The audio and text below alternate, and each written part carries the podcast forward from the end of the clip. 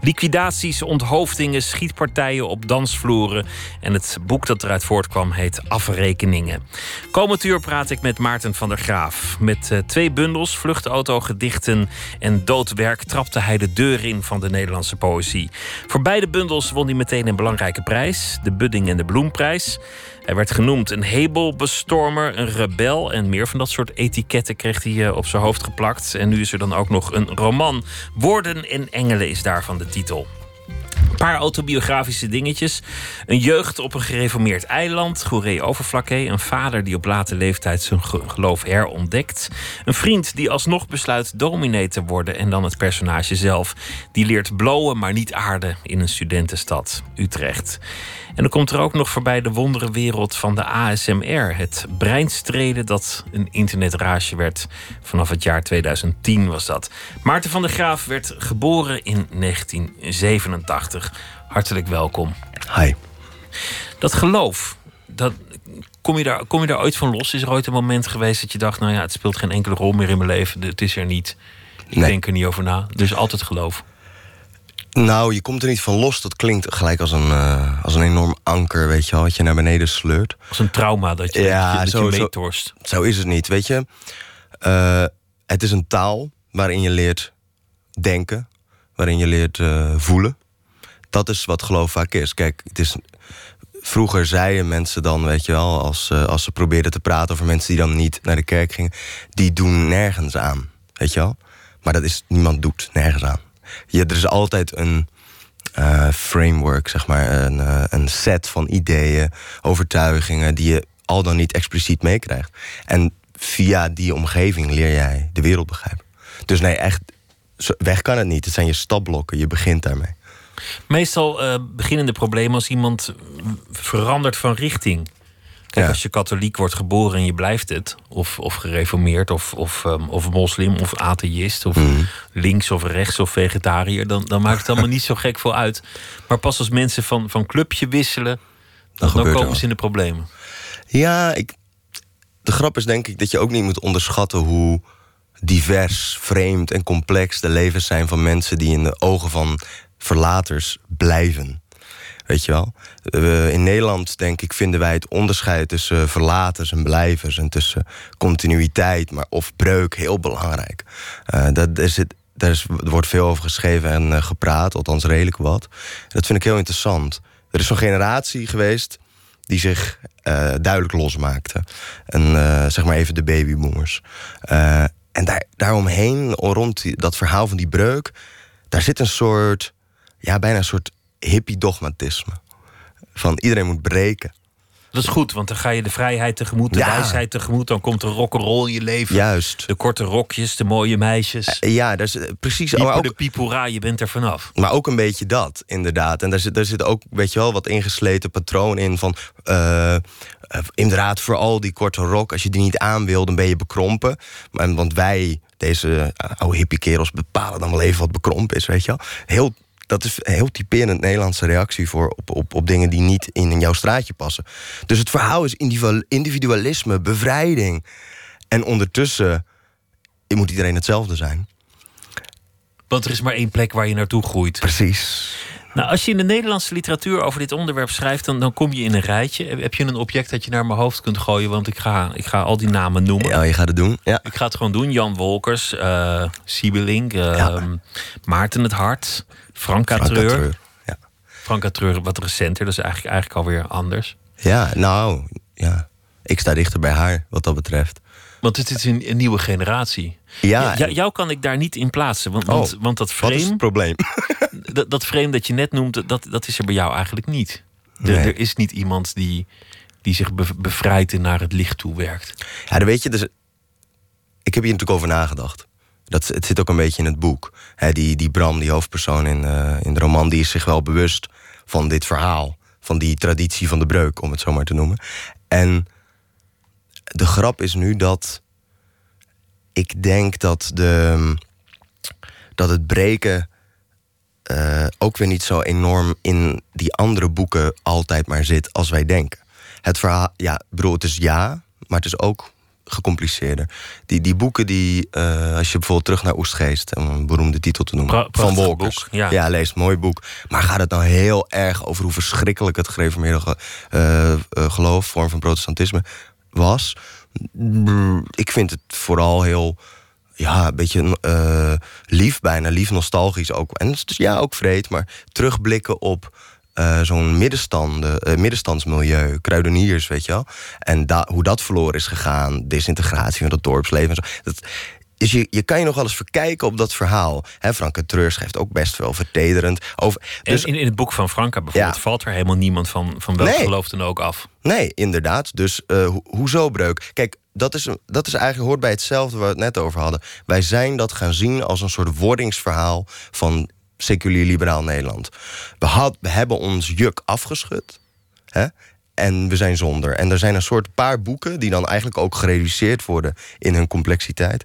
Tot de, de nieuwe Bijbels, zeg maar even. Want we blijven wel, we blijven best een zeurderig domineesland uiteindelijk.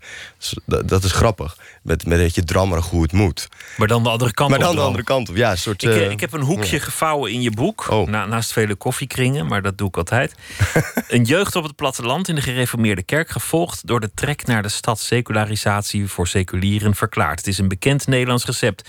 Verwijdering van ouders en familie, heimwee vermengd met triomf, ontluikend kunstenaarschap, onbegrepen in de oude kring, schrijf je. Ja. En dan sla ik een stukje over. Mhm.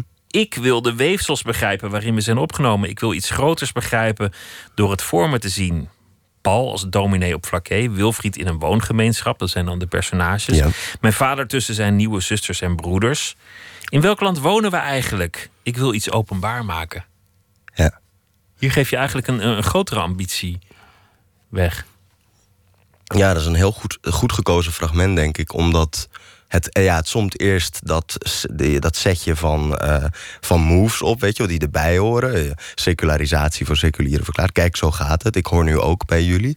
Ik heb mijn nest bevuild, weet je wel. Ik, ik doe er niet meer mee. Ik uh, maak die breuk en nu ben ik vrij of weg. Of... En hij zegt inderdaad, die Bram... ik leef na, de, na die uittocht, maar het is niet zo dat de muziek is gaan spelen... en ik eindelijk denk van, ach, ik ben vrij en ik kan doen wat ik wil en ik kan me ontplooien. Hij denkt, wat, oké, wat nu? Uh, gewoon consumeren, en dat is iedereen. Hè, dat is alles wat er is. Hij vraagt zich af, wie ben ik eigenlijk? Ja, en, en wat ga ik ook in, doen? In, in, welk verhaal leef ik? Precies, welk verhaal leef ik? Ja, dat is een, dat is een heel goede samenvatting van veel uh, wat die personages in dit boek, niet alleen Bram, meemaken. Welk verhaal wil ik leven? Maar ook, hoe kan ik dat verhaal misschien, het oude verhaal wat ik al kende, opnieuw vertellen? Zodat ik er nog mee door kan. Zodat ik er nog in pas, zodat anderen nog in passen. En lukt dat misschien niet? Ja, misschien niet. Misschien lukt het wel. En dat, dat, dat is wat er op het spel staat. Dus dat is wat ingewikkelder dan... Halleluja, we zijn vrij. Fijn dat we met die dorre bende klaar zijn. Dat was zo bekrompen en nu zijn we niet meer bekrompen. Ja, dat, dat, dat problematiseert het boek. Dat is een lelijk fucking lelijk woord. Problematiseren, maar oké. Het, het maakt. Ik vind dat gewoon een mooi woord. Waarom is dat een lelijk woord eigenlijk?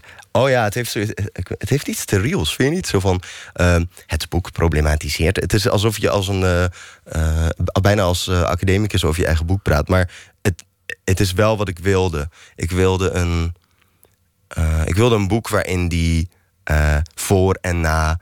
en en die breuk niet zo duidelijk waren.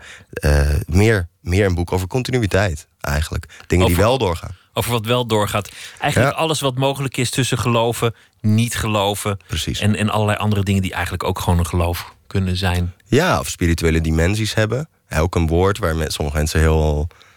Ja, weet je, weet je, we gaan cringen. Zo, oeh, spiritualiteit. Dat heb ik zelf ook. Ik bedoel, uh, maar ja, dus als je het over die uh, ASMR hebt, uh, wat je al noemde. Mensen gaan, zijn daar into in het boek, hè, met name Bram. En die ja, leert iets over zichzelf, over hoe het is om de wereld op die manier te ervaren. Iets lichamelijks eigenlijk.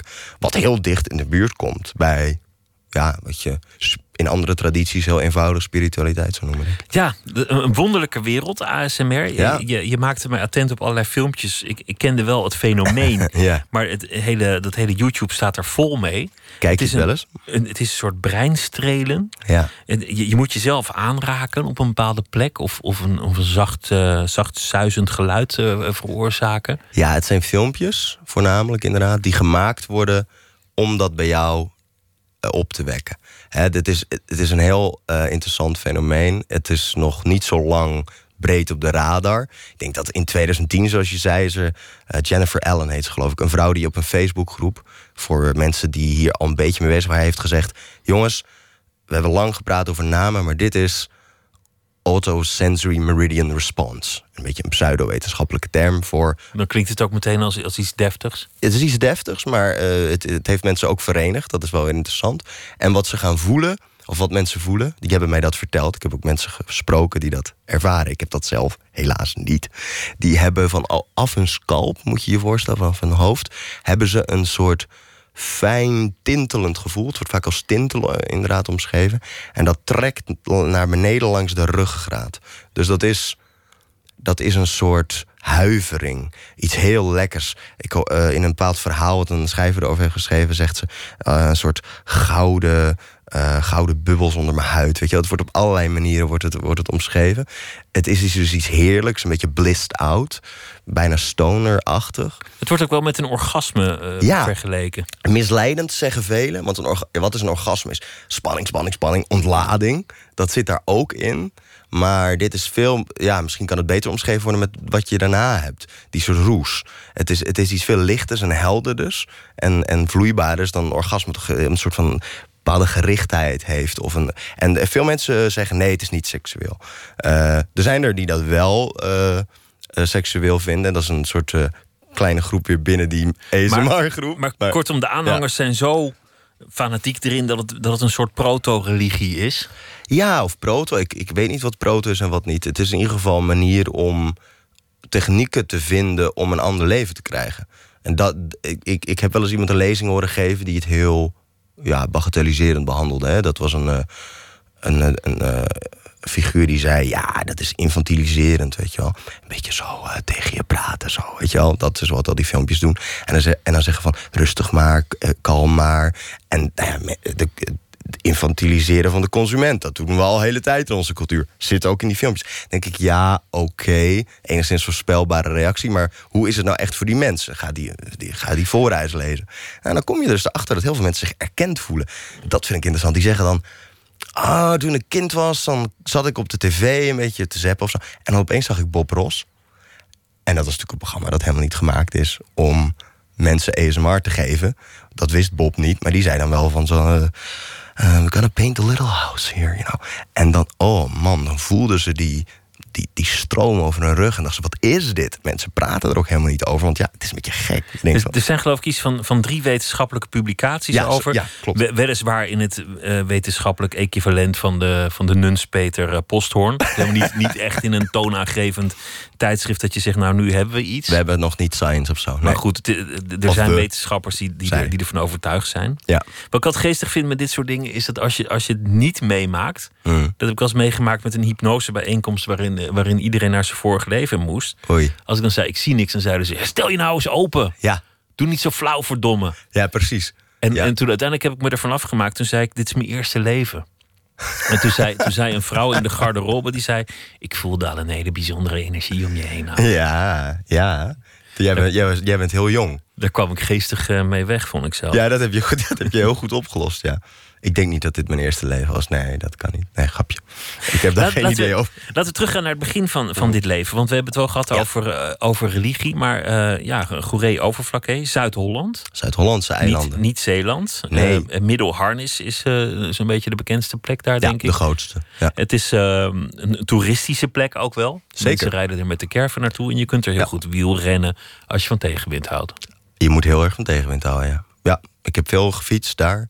Naar school, naar Middelharnis, vanuit stad Antanivliet, waar ik woonde. Dat is 9 kilometer, is niet mega ver, maar het is wel elke dag op en neer. Dan, en naar de kroeg in het weekend, dus dan ben je toch een paar keer dat aan het doen. Dus ik ken die polders heel goed, ja. Dat is een, uh, Dat is, het is een heel mooi landschap eigenlijk. Het is, het is uh, Weidse polder, waar nog niet heel veel in is gebouwd. Dus het is niet zo dat er tussen die dorpen 20.000 afgrijzelijke schuren liggen met, weet je wel, opslag of zo. Dat is niet zo. Dus het is, dus het is vrij, ja, wat je je voorstelt bij een Nederlands landschap, bijna cliché. Uh, dorpen die gecentreerd zijn rond de kerk. Een beetje Bijtse landschappen. Ja. Mooie bomen die in, in rechte lijnen staan. Ja, vaak hele jonge bomen. Hè, jonge aanplant. Ja, dat, uh, dat fietsen, ja. Nee, het, het, het is een mooie plek. Maar veel mensen denken dus dat het Zeeland is. Uh, want ja, het ligt er net boven. Dus dat is. Uh, maar het is wel Bijbelbelt. Het is zeker de Bijbelbelt, ja. Het is daar knettergelovig. Ja, ja de, de SGP is de uh, grootste partij bij de uh, verkiezingen van de, de, gemeenteraad. Dat inmiddels één gemeenteraad is. Bij de landelijke verkiezingen was het geloof ik VVD en kwam de SGP op twee. Maar dan kun je ongeveer een beeld vormen, wel. Ja. Hoe vaak gingen jullie naar de kerk thuis? op zondag. zondag. Alleen op zondag? ja, ja, ja. Ja, en af en toe natuurlijk uh, zulke... Ja, op een of andere manier vind ik dat altijd heel grappige feesten. Zoals uh, dankdas, Dankdag voor Gewas en Arbeid. Ik weet niet of je dat wat zegt, maar dat doe je dan. Nee. Dat was vaak op een woensdag, geloof ik. Ik weet het niet eens. Maar dat was dan een dienst die niet op zondag viel. En dan dankte je voor uh, oogst. Dus nou eigenlijk een oogstfeest. Gewas en de gedane arbeid. En op zondag maar één keer, niet twee keer? Nee, dat deden wij niet. Nee, we waren niet zo oerzwaar thuis dat we twee keer gingen. Nee, dat was, vonden we een beetje te veel. Dan soms uh, had mijn uh, stiefvader wel eens het idee van... Uh, oh ja, maar daar zullen we vanavond ook weer gaan. Maar dat was dan meer, meer een grap. Weet je wel, zo van, ga je weer mee? Dan ik van, nou, nou. En dan ging hij zelf meestal ook niet, denk ik hoor. Maar nee, we gingen, één keer was het zat. Ja, één keer was genoeg. Dus, dus dat, dat is trouwens in het boek voor Bram anders. Ja. Die, die gaat twee keer. Ja, ja, die gaat tussen twee orgeltonen, speelt het leven zich af, zegt hij ergens. Maar zoals je het nu omschrijft, is het, is het relatief niet heel streng thuis. Ik bedoel, jullie nee. zijn gelovigen, elke zondag naar de kerk. Ja. Maar ik, de, je toon is toch niet alsof, je, alsof er veel, veel angst en beven was. Alsof jullie echt uh, nee, ik met was, vrees naar buiten keken. Nee, ik was niet bang uh, voor God. Ik was niet bang voor de hel. die dingen waren er wel, bedoel, maar... Je was niet, niet geboren als brandhout. Nee, precies. Dat wel geneigd tot alle kwaad, weet je wel, dat, dat zat er toch ook wel in. En ja, je moest, de meeste mensen die modderden wat aan en die waren niet zo goed. En eigenlijk was je ook niet zo goed, moest je wel beseffen. Dat, dat hoorde er wel bij. Dat zat ook in dat hele eiland. Dat pikte, hoefde mijn ouders niet eens tegen me te zeggen of zo. Dat, dan hoef je alleen dat stukje te fietsen, dan weet je dat al. Ja. Uh, en uh, nee, dus het was niet, het was niet zo eigenlijk uh, verbaasde, denk ik, mijn ouders. Mijn moeder heeft dat nog niet zo lang geleden tegen me gezegd. Dat ik juist zo heel vatbaar was voor religie. En, of ja, vatbaar, hoe zeg je dat? Dat ik zo geïnteresseerd erin was. Dat ik veel las erover. Werd je, werd je vroom? Zou je dat zo ja, omschrijven? ik werd wel vroom, ja. Op welke leeftijd? 14. Ja. Dus waar je normaal gesproken 15, gaat 16. schoppen tegen alles wat, wat Ja. je ouders je voorschotelen, geraakte jij er juist dieper in. Ja, wist ik veel meer dan zij ervan. Ik las, ik kende de Bijbel best wel goed. Bijvoorbeeld, zij ook wel, maar ik bedoel, andere dingen die las ik die lazen zij niet. Ik ging ook allemaal rare mystici lezen en zo, weet je wel. Meester Eckhart en ah, Hermes Trismegistus, gewoon allemaal rare shit. Die, weet je, ik, ik, ik was een beetje obsessief, dat heb ik altijd wel, was ik daarin. Wat, wat wilde je daarbij? Ja, ik wilde weten, ik wilde ve- veel van het christendom weten. Ik dacht, ik zit er nou eenmaal in. En dit is één traditie ook, hè. Dat protestantisme, flink door het Calvinisme getint. eh, Wat is er nog meer? Gaan we eens kijken. Eh, nou, dan kun je binnen christendom kun je al een hele hoop ontdekken. Hè? Want bedoel, het cliché van als je naar christendom kijkt, wat je, wat je gelijk meekrijgt als je religiewetenschappen gaat studeren, zoals ik gedaan heb, heb je een introductie over christendom, je wel. En dan zegt de docent: Wat hebben alle christenen op aarde met elkaar gemeen? En dan probeer je een paar dingen uit, en dan zijn er tegenvoorbeeld op tegenvoorbeeld. En dat is best moeilijk te benoemen. Want wat heeft die eh Pentecostale christen, dus die Pinkstergemeente christen, eh, eh, aan de, zeg maar, op de Zuid-Hollandse eilanden, die net een beetje zo het Calvinisme heeft verlaten. En ik dacht, oh, dit is wel weer uplifting en wat gezelliger, ik ga dit doen. Wat heeft die te maken met een, met een theoloog uit uh, Brazilië die zich bezighoudt met de bevrijdingstheologie. En zij uh, organiseert uh, bijeenkomsten die vanuit de Moerista-theologie vertrekken, wat een, een, een op vrouwen gerichte tak is van de bevrijdingstheologie. Nou, vertel het maar. Wat, wat, wat hebben die mensen precies gemeen? Wordt heel lastig. Nou, ga je dat allemaal uitpellen? Ik weet nog goed wat er gebeurde. Dat is inmiddels een jaar geleden. Maar je kwam uit op voorzichtig, zei iemand. Of, of misschien zei de docent het wel. Ze hebben iets met Jezus. Dat is het eigenlijk. Ze hebben iets met Jezus. Wat dan? Kun je al niet invullen, dan gaat het fout. Daar zijn het per slot van rekening christenen voor. Precies, en uh, dat hebben alle geloven. Dus ik was benieuwd naar die, die, die laat ik het zo zeggen. Naar had, die je, had, je er ook, had je er ambitie in? Zou je, zou je, als, je hmm. als je dat pad niet had verlaten, uiteindelijk uh, op een kansel terecht zijn gekomen en, en hebben staan preken? Ja, dat, ik vond dat wel aantrekkelijk, dat preken en zo. En ja, ik vond ik wilde op een gegeven moment, toen ik in HAVO 5 zat, dacht ik, ik word dominee. Even heb ik dat gedacht. Niet zo heel lang. Maar ik word dominee. En dat betekent dus dat ik niet naar de kunstacademie ga. En dat ik niet naar de toneelschool ga.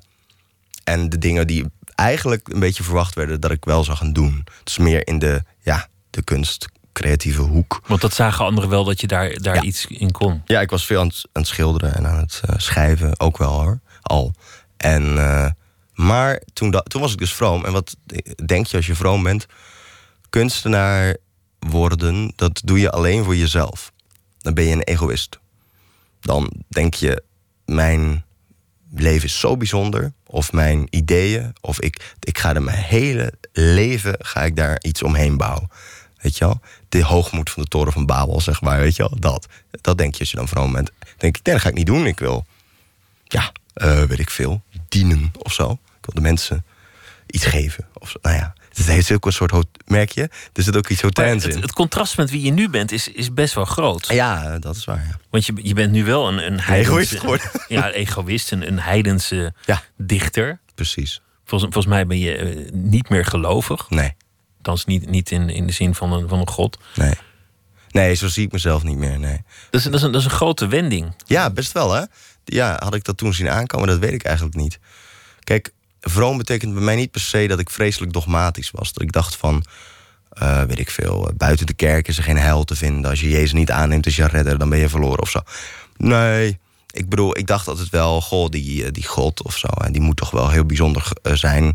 Want dus, ik denk niet dat het zo'n kleinzielige figuur is... dat die mensen van allerlei dingen gaat onthouden... en dat hij zich met elk klein rot detail van je leven gaat bezighouden. Ik dacht, dat lijkt me een hele rare God. Dus weet je, dat godsbeeld dat was niet zo benepen. Dus dan, dan, ja, dan krijg je het, hè. dan voor je het weet heb je ook God niet meer nodig. dan, dan wordt het zo, zo ruim. dat is eigenlijk, zeg maar, dan wordt het zo ruim dat het bijna is alsof je uit die broek stapt. Dat, ja. dat, het, eh, dat het er niet meer toe doet. Misschien, maar eh, die broek heb je dus wel aangehad. Zoals ik in het begin al zei, die taal heb je gesproken. En je vindt een nieuwe taal en deels neem je ook die oude taal mee. En die, die vervlecht je met wat je daarna vindt. En opeens denk je van, oh, waarom vind ik dit begrip of dit idee of dit gevoel eigenlijk zo belangrijk? Zou dat iets te maken hebben met uh, hoe ik ben opgegroeid of wat ik vroeger las? Of, het is heel grappig hoe je dan elke keer weer restanten tegenkomt. Denk dat veel mensen dat hebben. Omdat er nog wel zit, de taal zit er nog in, de woorden zitten er nog in, de, woorden zitten erin. de manier van denken, alles. Komt ook, komt ook terug in dit boek, maar we gaan eerst uh, luisteren naar uh, rock'n'roll van uh, ene Nick Mulvey. En dit nummer heet We Are Never Apart.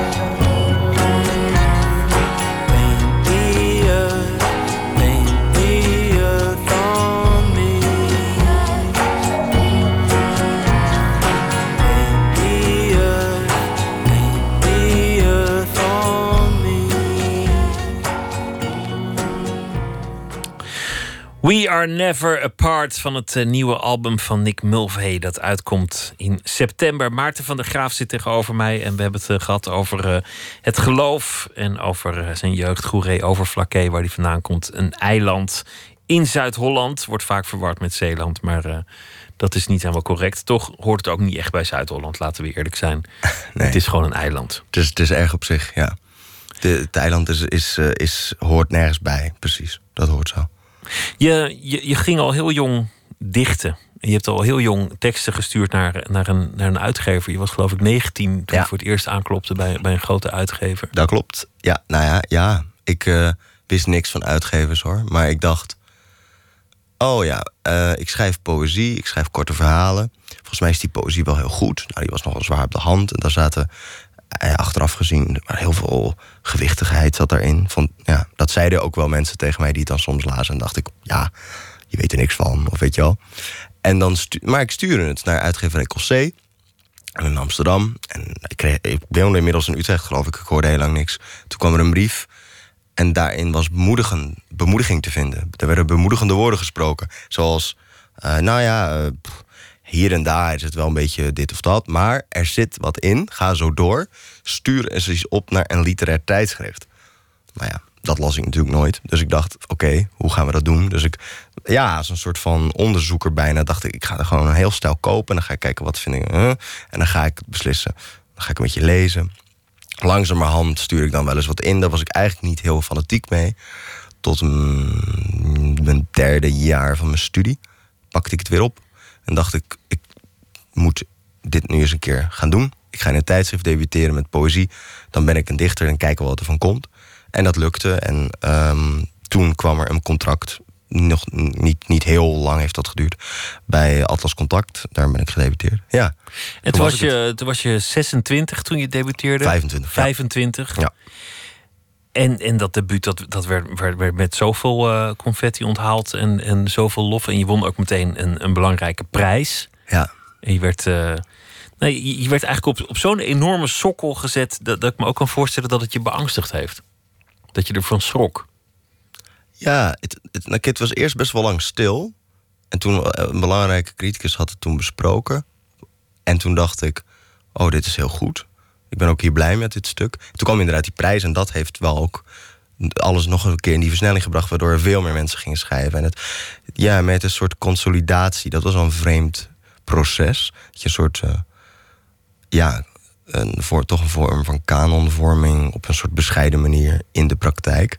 En dat zet, geeft wel druk, maar ik had geluk, en dat was niet een plan, maar ik had gewoon mazzel, dat ik uh, toen heel veel en snel aan het schrijven was. Dus ik had die, die laatste, die eerste bundel eruit, eruit gegooid, best wel rap. Toen dacht ik, ga door, ik ga door, want ik moet niet omkijken, want dit is dat debuut. En hup.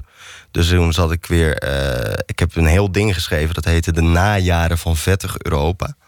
En dat, dat blijft in een la. Maar dat is een, uh, dat is een tussending. Ik had, ja, er zit een bundel tussen vluchtautogedichten en doodwerk. Dat is die. En die heb ik uh, geparkeerd. Maar en, dit over snel gesproken. Je, ja. je, je, dicht zo snel dat je de tijd erbij schrijft. schrijft. Het is een hele nieuwe vorm. Die, het, het, is, het is een beetje de, de free jazz van de poëzie. Omdat, het, omdat je ter plekke ziet ontstaan. Het gebeurt voor je ogen. In zekere zin, ja. Ja. En dan staat er 13 geklokte gedichten, 1304, twee regels. 1306 heb je heel even omgekeken of naar, naar, uit het raam gestaard. Ja. Nou, dan komen er weer zes regels. 1309 komen er weer acht regels elke Juist. keer. En in die tussentijd, ja, wat gebeurt er? Knal je die woorden er gewoon uit? Doortypen, ja, dat was het idee. Ik, ik, uh, Maar je typt wel, het is niet schrijven. Het is, nee, het is, nee, nee, nee, nee. Alles het is, in woord. Het is allemaal op een toetsen, Het is, toetsenbord. het is een, een laptop. Ja. Ja, en, en uh, tuurlijk is het deels. Uh, kijk, kan het nooit zo zorgvuldig zijn. Ik, uh, ik kijk op dat klokje en dan probeer ik het zo snel mogelijk erin te tikken. Dus maar het, het hoeft ook niet zorgvuldig Nee, te zijn. nee, het geeft. Maar ik vind het grappig, want ik ken dichters die, die doen een jaar over een woord. Ja, dat ben ik niet zo'n dichter, nee. Nee, bepaald niet. Nee, ik doe niet een jaar over een woord. Nee. Ik, misschien vind ik mijn eigen woorden ook weer niet goed genoeg om er een jaar over te doen. Misschien is dat het ook. Maar die snelheid geeft, geeft ook energie aan je werk. Die Ja. snelheid, die, die, die moet je erbij hebben. Als, als een bokswedstrijd. Als je die op, op half tempo afkijkt, is het niet meer zo'n leuke sport. Nee, dat, dat, kan, ik, dat kan ik toegeven. Maar het, het, uh, het bij het dichten. Kijk, er komt een proces na en dat is wel meer schaven. Maar ik kan het niet schrijven als een schaver. Ik kan niet beginnen met een klein beetje zo'n lege pagina. En dan zet ik een vuiltje tegenaan. Dan denk ik, nou, nog een klein beetje van deze zin af en zo. Dan word ik al gelijk heel kriegel van. Ik denk, die ruimte is er. Die, uh, die kan gevuld worden met allerlei, uh, allerlei effecten. Allerlei zinnen die op elkaar botsen. Weet je wel, taal waar iets gebeurt. En dat wil ik doen in het begin. Dat die uitbreiding, die moet er zijn. En daarna gaan we wel streng zijn. Dat zijn twee verschillende uh, onderdelen van, van wie je bent als schrijver. De, degene die denkt, laat het maar gaan en het komt wel goed. En we, we gaan het schrijven. En degene die zegt, nou... Uh, dit kan wel weg en dit kan wel wat beter. wel- ja, precies. Dit, dit Dit- mag scherper. Wat, in wat voor staat schrijf je het? Is het 's ochtends bij de eerste kop koffie? Is het 's avonds bij, bij het vierde glas bier? Is het, is het in een staat van woede, ontroering? Of, of heb je discipline? mm, voor de eerste dichtmiddel was het echt een staat van uh, een soort woede, ja. Was het ook wel later, was het ook wel met drank, was het ook wel een beetje boos. Uh, dan dacht ik van ja, uh, dit is, al die gedichten vind ik te netjes. Ik vind het te veel gedichten, ik vind het te, te keurig. Het moet anders, anders, anders. Nou ja, dan, dan een beetje, ga je een beetje rammen. Dat vond je van de poëzie in het algemeen of van je eigen werk? Ik, vond het, ik vind het uh, van sommige poëzie, maar ik vind het, vond het ook zeker van mijn eigen werk. Dat ik dacht, dan heb je weer een mooi afgerond gedicht en er is een pregnante slotzin. En dan, gadverdamme, weet je wel, uh, die poëzie, dat moet anders. Zo, dat echt ontevredenheid met wat ik zelf deed eigenlijk vooral. En dood werk was, nou ja, wist ik al helemaal niet meer hoe het moest, zeg maar even. Dacht ik van, oké, nu gaan we voorzichtiger zijn, onderzoeken. En die roman schrijven, dat is gewoon wel echt heel erg anders. Roman schrijven is niet zoals poëzie schrijven. En wat het verschil is tussen poëzie en fictie En proza is eigenlijk heel moeilijk uit te leggen. Dat is ook nog zo'n ding, ga er maar aan staan. Maar ja, het proces is anders. A, het is heel veel dikker. Er zitten veel, er zitten veel meer woorden in. En je moet, je moet daar wel een vorm van discipline voor hebben. Je kan niet even... Weet je, het is heel lekker met gedichten. Je kan in een, in een, in een dag, een dagdeel... kun je wel een flink gedicht schrijven. Maar een roman, dat duurt echt best wel lang. Dus Voor, je, voor je iets hebt, ja, je moet, je moet met veel meer dingen rekening houden. Maar Ja. je hebt, je hebt een- nog heel even over de poëzie. Ja. Je, je hebt een, een motto. Of, of je, ne- je neemt, eh, neemt dat van iemand over. ja. Poets should get back to saying crazy shit all of the time. Ja, dat is Dorothy Lasky, de Amerikaanse dichter. Zij is fenomenaal. En dit is ook wat zij doet. In, eh, dit is een soort advies aan dichters. Dit komt uit een gedicht dat ze dit zegt. En dat, dat heeft me heel erg aangesproken. Dat ik denk, eh, ja, wat, wat, wil je dat, wat wil je dat dichters als ze iets te zeggen moeten hebben? Wat wil je dan ze zeggen? Ja, dan moeten ze de dingen zeggen die niet fijn in de mond liggen. Dan moeten ze, Het moet pijn doen, het moet wringen, het moet, eh, ja, moet en- aankomen. Ja, precies. En dan misschien ook nog wel anders dan het men normaal vindt wat wringen is. Dat is ook een goede vraag natuurlijk. Het is heel vaak, over kunst zeggen heel vaak, het moet wringen en, en, en moet schuren. Maar waar precies? Dat, dat, dat staat nog niet vast. Daar heb ik ook niet, ge- geen antwoord op. Maar eh, ja, het wring, wat, wat voor een ander wringt, is dat is, voelt lekker voor de ander, snap je? Dat is het behagen van de ander. Misschien moet je ook, eh, ook die kant op kijken. Dus, dus maar goed. Wil, wil je iets, iets voordragen? Of, of zeg je van, nou, daar heb ik eigenlijk helemaal niet zo Ja hoor, ja. ja. Een gedicht bedoel je? Ja, heb, heb, je, heb je voorkeur voor iets zelf? Of, eh, of, of mag ik er eentje? Nee, kies, kies maar iets. Dan, dan zou ik de lijst met wegnemingen Ja. willen vragen. Duurt, duurt denk ik zo, eh, nou toch al gauw twee minuten. maar Ja, een half uur. Twee minuten Ja, in eh, deze tijd, joh. Ja, dat kan. Wat doe je? Ja, Ja, men- mensen kunnen trouwen en scheiden in twee minuten. Maar vooruit. zeker waar. Niet wegschakelen, mensen. Het duurt maar twee minuten. Oké. Lijst met wegnemingen. Ik eet niet langer van de suikerkorrel. Laat mij in met kinderen, bejaarden en met doden. Tot het donker is, ontneem ik mij het zicht. Dan leg ik mijn ogen af tot het weer licht is. Vergaderingen waar ik ontbreek zijn prachtige vergaderingen en liggen koest in de zon die ik ontloop. Niet mama die met papa aankomt lopen, niet mama die met papa dichterbij komt.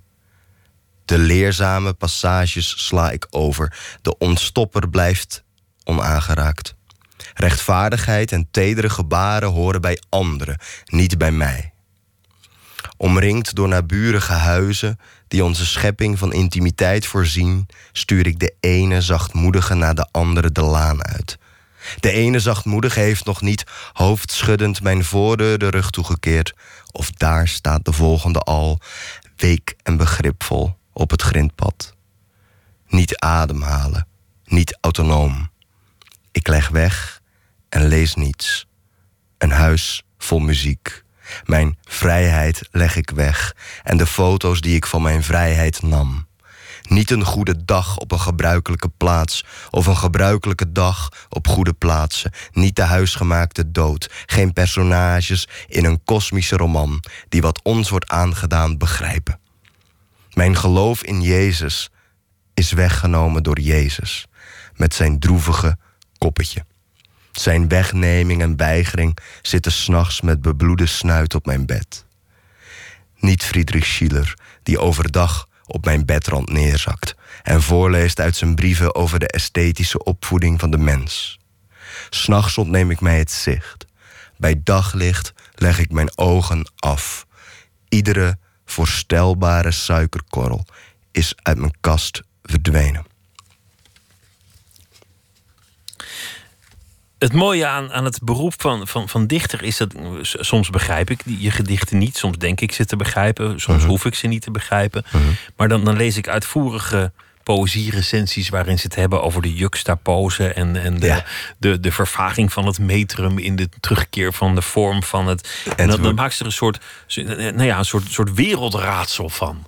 En Ja. Dat vind ik zo mooi. En is het dan ook iets dat jij herkent? Of, of denk je ook wel eens van, nou, leuk dat je dat eruit haalt? Oh, dat laatste denk ik ook wel eens. Ik bedoel, ehm, mensen benaderen poëzie echt op verschillende manieren.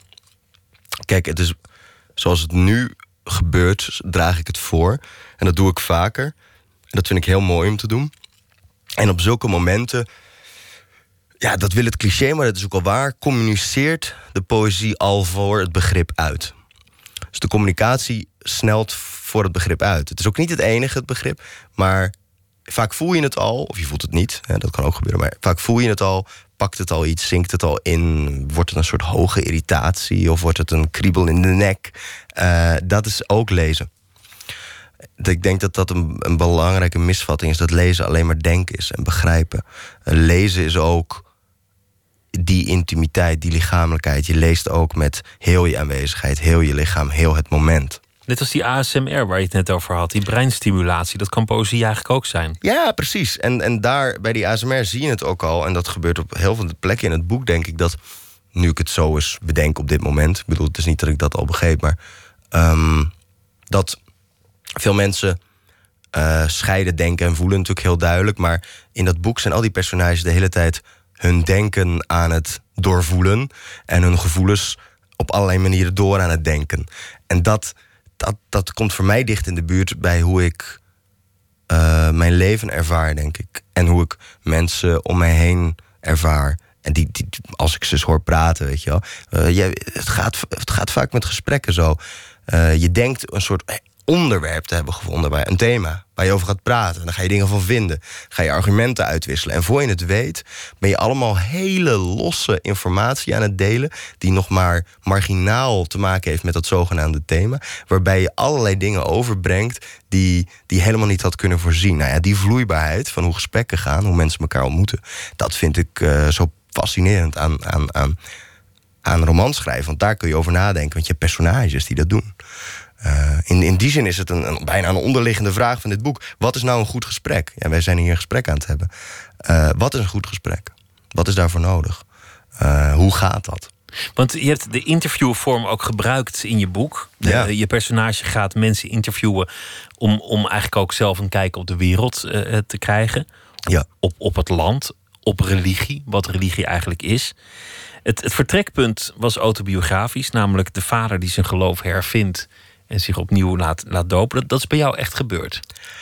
Ja, dat, dat, uh, is, het is wel wat anders dan in het boek, maar dat, dat, dat onderdeel klopt. Uh, mijn vader heeft zich op latere leeftijd laten dopen in het wit gekleed in het Haringvliet. dus werd onderdeel van een evangelische gemeente. Zeg maar evangelicals, als dat in Amerika zouden zeggen. Dus het lijkt wel op die kerken daar.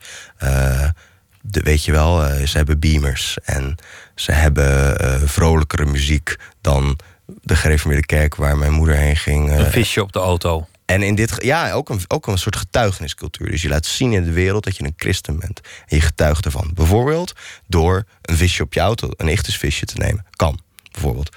En um, ja, mijn vader deed dat. En wij spraken best wel wat over het geloof, want ik heb religiewetenschappen gestudeerd. Nou, dat is natuurlijk. Ja, dat is, dat is minder erg dan dat je kind heroïneverslaafde wordt. Dus je hebt er een. Je, je kunt er het wel over hebben, ze, ze keuren het niet af. Um, en vervolgens ja, ga je, blijkt al snel dat, dat dat een interesse is, maar niet per se een leven gaat zijn, niet per se een vroom leven. En hij trok er wel naartoe. Dus we, we ontmoeten elkaar ergens op dat kruispunt. En het ging ook weer van elkaar weg. Maar ja, dat gesprek blijft spannend, maar interessant. En ik dacht, ja, dat is gebeurd. Dat is iemand die is juist niet gebroken in zijn jeugd, zoals dat verhaal wat we kennen waar we het over hadden. Maar die heeft op later leeftijd is letterlijk dat water ingelopen. En, en dat is een heel bijzonder, bijna mysterieus moment. Hè? Dus het is niet een, een pletje water op het voorhoofd, maar gewoon helemaal uh, onderdompeling. De sloot in. Ja, ja het haringvliet, ja. De, de, het open water. De doop door onderdompeling, ja. Volwassen doop in plaats van kinderdoop. Het is een, eh, ja, het is een van de meest. Uh, het is een heel fundamenteel moment in het christendom. Als je in het vroege christendom ziet, dan werden mensen in een baptisterium, een doopplek, uh, uh, naar beneden geleid. Dat is zo'n bad, wat je ook wel eens in de sauna's of zo ziet, waar je met een trapje zo in kan lopen. En daar heb je nog wel hele oude plekken die wij kennen en die je kunt bezichtigen. En dan ga je daarin. En dan, werd er een hele, dan weten wij dat het waarschijnlijk dat er een hele oude spreuk werd uitgesproken als mensen dat deden. Um, namelijk ontwaakt gij die slaapt en sta op uit de dood en Christus zal over u lichten. Dat werd er gezegd. En dat is een spreukje nog steeds in de kerk was circuleer, maar dat doopmoment is heel belangrijk. Dat is je initiatie, je intrede. Ja, dat ging hij doen. En ik dacht, wow, ik stond aan het strand. En ik keek hem eh, dat doen. En ik ken hem, weet je wel. en ik dacht, dit is vroom, dit, is, eh, dit wil hij. Of, en, en, en dat wilde hij eerst, denk ik, absoluut niet. Dus wat is hier nou gebeurd? Nou, en toen niet zo heel lang daarna, zeg ik dat goed. Ik, de chronologie van mijn boek vervangt de chronologie in mijn hoofd, merk ik. Weet je, ik, je fuckt met de chronologie van je leven door een roman te schrijven. Vervolgens, vervolgens herinner je de dingen anders. Want het personage in je boek, die, die, die, kan niet aarden in een studentenstad, ontdekt het blauwe, ontdekt de liefde en ligt de hele dag eh, te fozen op een studentenkamer. Dat is de chronologie in het boek ongeveer. Ja, precies. Nee, ja, ja, ja. En, maar tegelijkertijd, dat is ook weer zo, gaat hij bij een club, club christelijke studenten omdat hij benieuwd is. Dat hij weer dat, hij gaat dat verhaal weer opnieuw willen vertellen. Waar we, waar we het er straks over hadden. En uh, daar, komt hij, daar, daar ontmoet hij vrij fantastische mensen. Voor mijzelf ontmoet ik ook echt zulke mensen. Maar uh, een van die, van die mensen, een jonge vriend van mij, die, dat zit ook in het boek, wordt dominee op uh, niet in, op choreoverlijkheden, zoals in het boek. Dat, is, dat zou te mooi zijn. Dus zo heb je de fictie. Maar hij verhuist en hij wordt dominee. En ik heb meer mensen die dominee zijn en jong zijn. En, uh, of pastor. Dat zijn dan vrouwen in de katholieke kerk. Mogen natuurlijk geen priester worden. En toen dacht ik, oh, maar dat is ook een ander verhaal.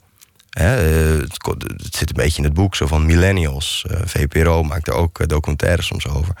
Uh, die komen dan uit Amsterdam meestal, of die wonen in, inmiddels in Amsterdam. En die hebben allerlei hele hippe ondernemingen en zo.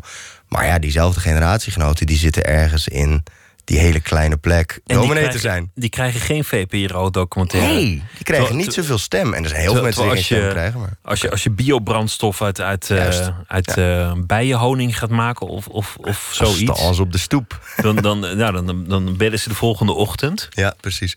Nee, dat is het zo van die... Uh, ik heb dat, ik heb dat Chris Kraus, een schrijver die ik erg waardeer. Ik heb haar een keer in een interview horen zeggen van. Uh, ik zal het vertalen naar een Nederlandse equivalent, maar de pompstation bediende bij Lelystad. Uh, is dat geen millennial dan? Waar is dat verhaal?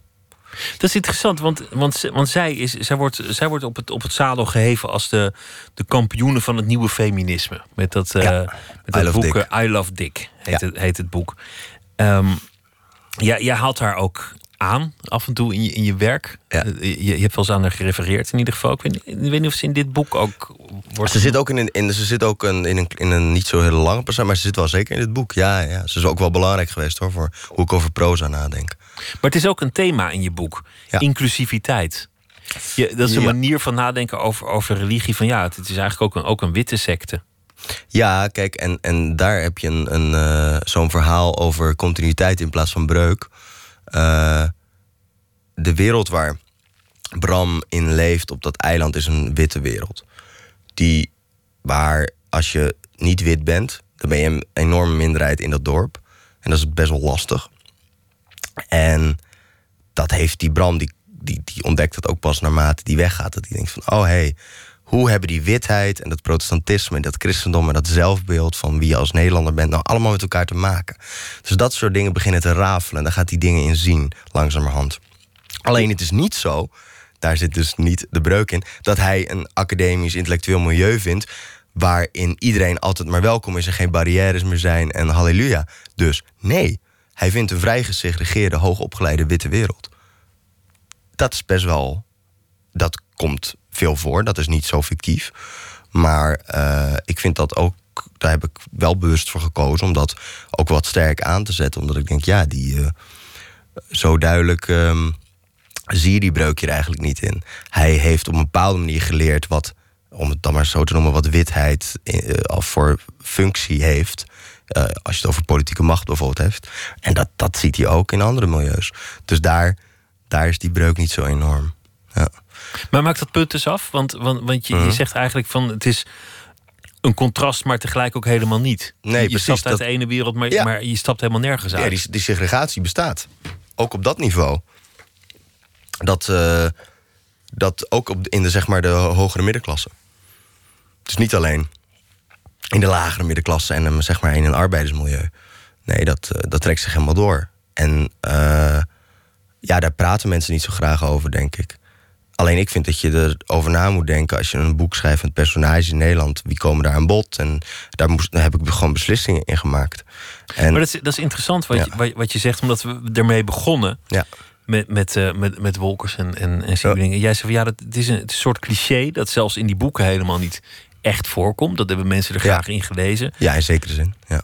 Maar, maar die overgangen zijn allemaal niet zo hard. Er zijn, er zijn zoveel meer overgangen, gradaties en groeperingen te, te trekken. Ja, zelfs voor iemand als, uh, als uh, Maarten het Hart, die toch heel duidelijk, uh, met enorm veel kennis van zaken vaak, hè, de, de, zijn achterban waar hij zeg maar, vroeger vandaan kwam, graag te kijken zet. Dat, en dat, dat op allerlei manieren doet.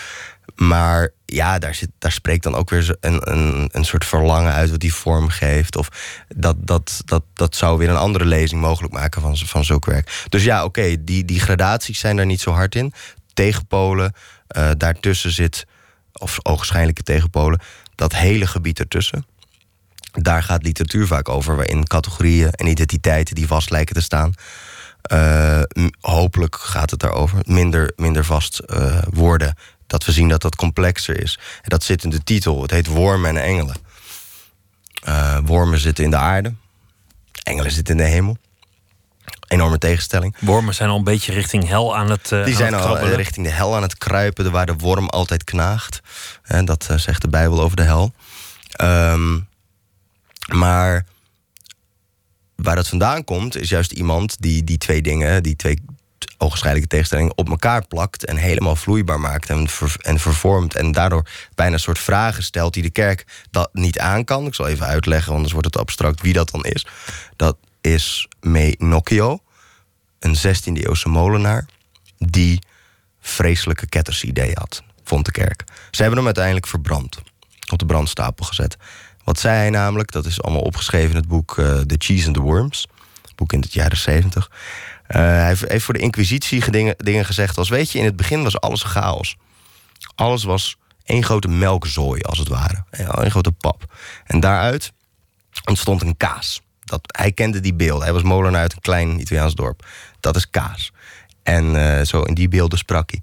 En in die kaas beginnen allemaal processen te werken... en er ontstaan wormpjes in. En die wormen, dat zijn de engelen.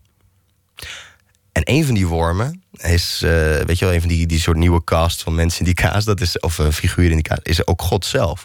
Die groeien allemaal uit die, uit die kaas voort. Nou ja, dat, dat soort dingen, dat, dat, dat trokken ze allemaal niet. Dat hij dat zei. En hij zei ook nog allemaal dingen over Jezus, die helemaal niet uit de maagd geboren was en zo. Nou, ja, zeker in die tijd moest je niet met de leer gaan improviseren. Nee, dat is toch niet zo heel handig. En ook niet als je een 16e-eeuwse molenaar bent in een klein dorp. Ook niet handig. Maar goed, daar, daar zie je dus al heel mooi. Ik vind het zo'n heel mooi moment als hij dan in die inquisitierapporten... die dan bewaard zijn gebleven, zegt van... ja, die wormen, dat zijn de engelen. Dat, dat, dat deed me iets. Dat, dat, uh, zonder het precies te begrijpen, dacht ik, ja, dan, dan moet dat misschien wel de titel worden van het boek. Dus, dus je haalt dat soort geleerden erbij, maar ook een feministische schrijver die, die over jouw generatie schrijft. Je, je, je haalt uh, Simone Weil erbij, ja. die, die komt ook zeker terug. Filosoof en mystica, ja. Ja, dat is eigenlijk een tijdgenoot van Sartre, maar dan eentje die, die juist het geloof uh, opzocht. Ja, die, die altijd, zoals het zelf schrijft, op de drempel van de kerk is gebleven. En dat is heel prachtig. Waarom? Want waarom ga je niet de drempel van de kerk over? Hè? Waarom, ze legt het uit aan Pater Perrin, een uh, in Marseille wonende blinde pater met wie ze een correspondentie heeft. Waarom gaat ze niet? Nou, hè, hij wil dat zij zich laat dopen. Maar zij zegt: Ja, maar als ik de kerk inga, dan moet ik dus mijn rug toekeren, die drempel overgaan, naar alle mensen die er buiten blijven. Die ook geweigerd worden. Maar ook die die op een of andere manier daarbuiten bestaan. Dat wil ik niet. Ik wil op de drempel blijven. Dan blijf ik precies tussen. Dat is een positie die ze kiest. En daar wacht ze. Staat ze stil. Ja, dat vind ik toch wel erg indrukwekkend. Ik vond dat heel mooi toen ik dat voor het eerst las. Dan dacht ik, wat is dit voor een fascinerend iemand. En een radicaal iemand, hè. Want, want dat vind ik wel grappig. Dat, dat, je, dat, je, dat je, hoewel je nergens uh, een steen door de, door, de, door de ruit van de kerk wil gooien... of, of dat soort dingen, wel rebels bent. Dat zit wel in jouw karakter, een, zekere mm dwarsheid. Maar die dwarsheid die gaat precies de andere kant op... waardoor die prachtig werkt. Ja, grappig. Dat, die, veel van die gelovigen, dat zijn dwarse gelovigen in het boek. Op allerlei manieren. Ook de historische figuren die al dood zijn. Die houden zich niet aan het script. Dus er zijn te weinig categorieën waar die mensen in passen. En dat is heel gevaarlijk. En waar horen die mensen dan? daar gaan mensen iets van vinden. En dan komen ze mee in de problemen. Nou, of ze er nou in de, mee in de problemen komen bij dogmatische uh, gelovigen, of de kerk of de inquisitie, of dat ze erbij mee in de problemen komen bij dogmatische uh, liberalen die hun eigen blinde vlekken niet meer zien. die, die denken het wiel uh, is voor al, eens en voor altijd door ons uitgevonden. Geldt dat voor jou ook? Hoor, hoor je nergens bij en, en wil je het ook niet? Tuurlijk hoor ik wel ergens bij. De, het is, nee, het is een arrogante positie om te denken dat je nergens bij hoort. Ik ben ingeschreven en ingeschakeld in allerlei eh, constructies. Ik bedoel, uh, waar, ik, waar ik in zekere zin misschien enige zeggenschap over heb, maar waar ik ook niet. Uh... Maar je wil het niet? Nee, ik wil kritisch zijn. Ik bedoel, dit is een, ik heb een verlangen om kritisch te zijn en niet te denken dat ik de waarheid in pacht heb. En uh, ja, en dat is voor, voor mij in literatuur belangrijk, om dat, om dat vast te houden. Anders, waarom zou je anders een boek schrijven als je denkt dat je. Dat je het al weet. Dat je zo weet of dat je zo geweldig vrij van alle posities bent. ik kan mij als schrijver buiten de maatschappij gesteld. Kan ik mijn pijlen richten op alle instituten. En ik ben overal kritisch over. Ja, dat is, dan ga je op je bek, denk ik. Toch. De achterflap van je, van je dichtbundel Nederland. Ik schrijf dit niet zomaar. Ik zoek naar je dood en gemeenschap. Ik zoek naar je waarheid en haat. Ik schrijf gedichten. Ik ben in de war. Ik zoek naar je lichaam. Ik ben oppervlakkig. Mhm. Dan neem je ook jezelf op de korrel. Ja. je pakt ook jezelf aan. Dus die, die rebellie die kan ook gewoon. Zeker. Ja, dat is... Tegen zichzelf gaan. Ja, stel je voor, want je weet wat de rebel is. Hè? De rebel die laat zich vetteren. En die, die hangt de nar uit, even. En dan vinden we het allemaal heel rebels. En we gaan weer over tot de orde van de dag. En we schuiven hem aan de kant. Of haar, of wie dan ook. We geven hem te eten, te drinken, een warm bad. En, ja, ja en, en hij, en hij vergeet dat is een, een citaat van een dichter wat ik heb vervormd en opgenomen. 10 graden. Morgen opnieuw een mix van zon en wolken. En dan wordt het 19 graden op de Wadden... tot lokaal 25 in het zuiden van het land. Dit was het NOS Journaal. NPO Radio 1. VPRO. Nooit meer slapen.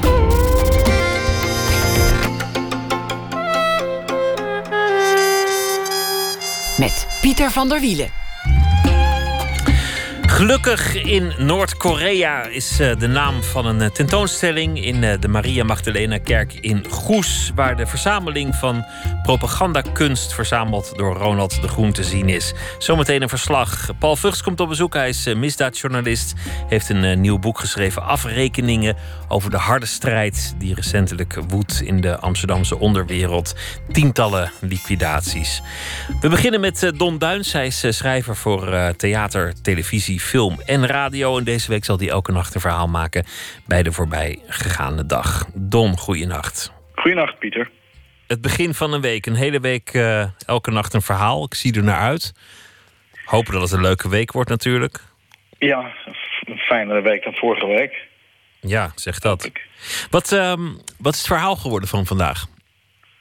Ja, het verhaal gaat nog wel een beetje over vorige week. Ik ben, ik ben zelf, heb ik me wel vandaag overgegeven aan allerlei escapisme. Van, van Game of Thrones kijken tot en met de Scorsese tentoonstelling bezoeken in AI. Maar um, dan ga je zo'n verhaal schrijven en dan wordt het toch weer iets serieuzer. Maar goed, het is, het is maandag. Ik ben benieuwd. Ga je gang. Voorop de Volkskrant van vandaag staat een treffende foto van rouwende mensen. Voornamelijk vrouwen. Een vrouw met krulhaar en een doorgroefd gelaat omarmt een andere vrouw in zwart gewaad die huilt. Pas in het onderschrift lees ik dat het hier geen nabestaanden van slachtoffers van de Ramblas-aanslag betreft.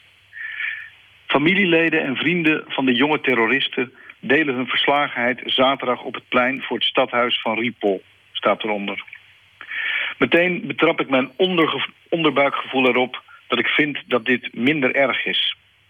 Deze mensen zijn gerelateerd aan de daders en het is toch echt iets anders dan de nabestaanden van de slachtoffers. Wat meespeelt bij mij is de gedachte, hadden deze mensen er niet iets aan kunnen doen? Hadden ze niet iets kunnen zien aan het gedrag van hun zonen, neven, broers? Kortom, hadden ze het kunnen voorkomen? En tegelijk besef ik hoe onterecht dat is. Hoe weet de ene mens van de andere wat hij werkelijk denkt? Hoe close je ook denkt te zijn door familie- of vriendschapsbanden. In interviews met bekenden van de terroristen wordt dat extra duidelijk. Het waren gewone jongens die werkten en naar school gingen en van een feestje hielden, vertelt de voorzitter van de moskee in Rippel, Ali Yassine. En de moeder van een van de daders kreeg vorige week nog een berichtje dat haar zoon op het strand lag, vlak voor hij werd doodgeschoten in Cambriels. Zo benoemd kan iedereen een potentiële dader zijn. De man die je fruit inpakt op de markt, of de jongen die vriendelijk naar je glimlacht, het meisje dat je haar knipt. Het is een tamelijk eng perspectief. En tegelijk een waarvoor we moeten uitkijken. Want zodra je in de greep van die angst komt, die grenst aan een paranoïde psychose, kun je net zo goed binnenblijven. Alsof je daar veilig bent. Wat er op de Ramblas gebeurd is, was walgelijk honds misdadig. Maar het mag ons er niet toe verleiden iedereen verdacht te vinden of te maken. Noem me een zeikert, maar ik blijf de nuance zoeken. Want als ik die verlies, dan heb ik niks meer. Ik las ook in, in de krant dat, dat sommige van die jongens 17 jaar oud waren. Ja, dat is bizar. Dus die zouden ook aan het strand moeten liggen en zich vermaken en eh Ja. veel wat, feestjes vieren. Er zijn leukere dingen om te doen als je 17 bent dan, eh, dan terroristische daden. Maar het is, het is natuurlijk ook wel zo dat, dat tieners eh, makkelijk te verleiden zijn voor allerlei dingen. Voor, voor allerlei dwalingen, voor allerlei radicalisme. Ja, en, en dan misschien op het allerlaatst doorhebben, dit was niet leuk en dit was niet goed. Maar ja, dan is het natuurlijk voor iedereen al te laat. Als dat al zo is. Je hoort ook wel eens dat ze gedrogeerd worden en, en dan niet meer toerekeningsvatbaar zijn. Dus, ehm, maar goed, ik hoop dat dit het laatste verhaal is deze week wat hier eh, in ieder geval voor mij over gaat. Dan eh, zal ik voor de rest naar de luchtigere kost zoeken. Ja, is ook leuk. Luchtiger kost. Ben ik ook altijd voor. Dat zal gebeuren. Dankjewel, Don. En eh, tot morgen. Tot morgen. De Amerikaanse band eh, Wilco heeft een nieuw nummer uitgebracht. Het is een eh, reactie op de Black Lives Matter beweging. En ook vooral op de protesten in Charlottesville van eh, extreemrechtse lieden. De boodschap is: alle levens doen ertoe. En de titel is All Lives You Say.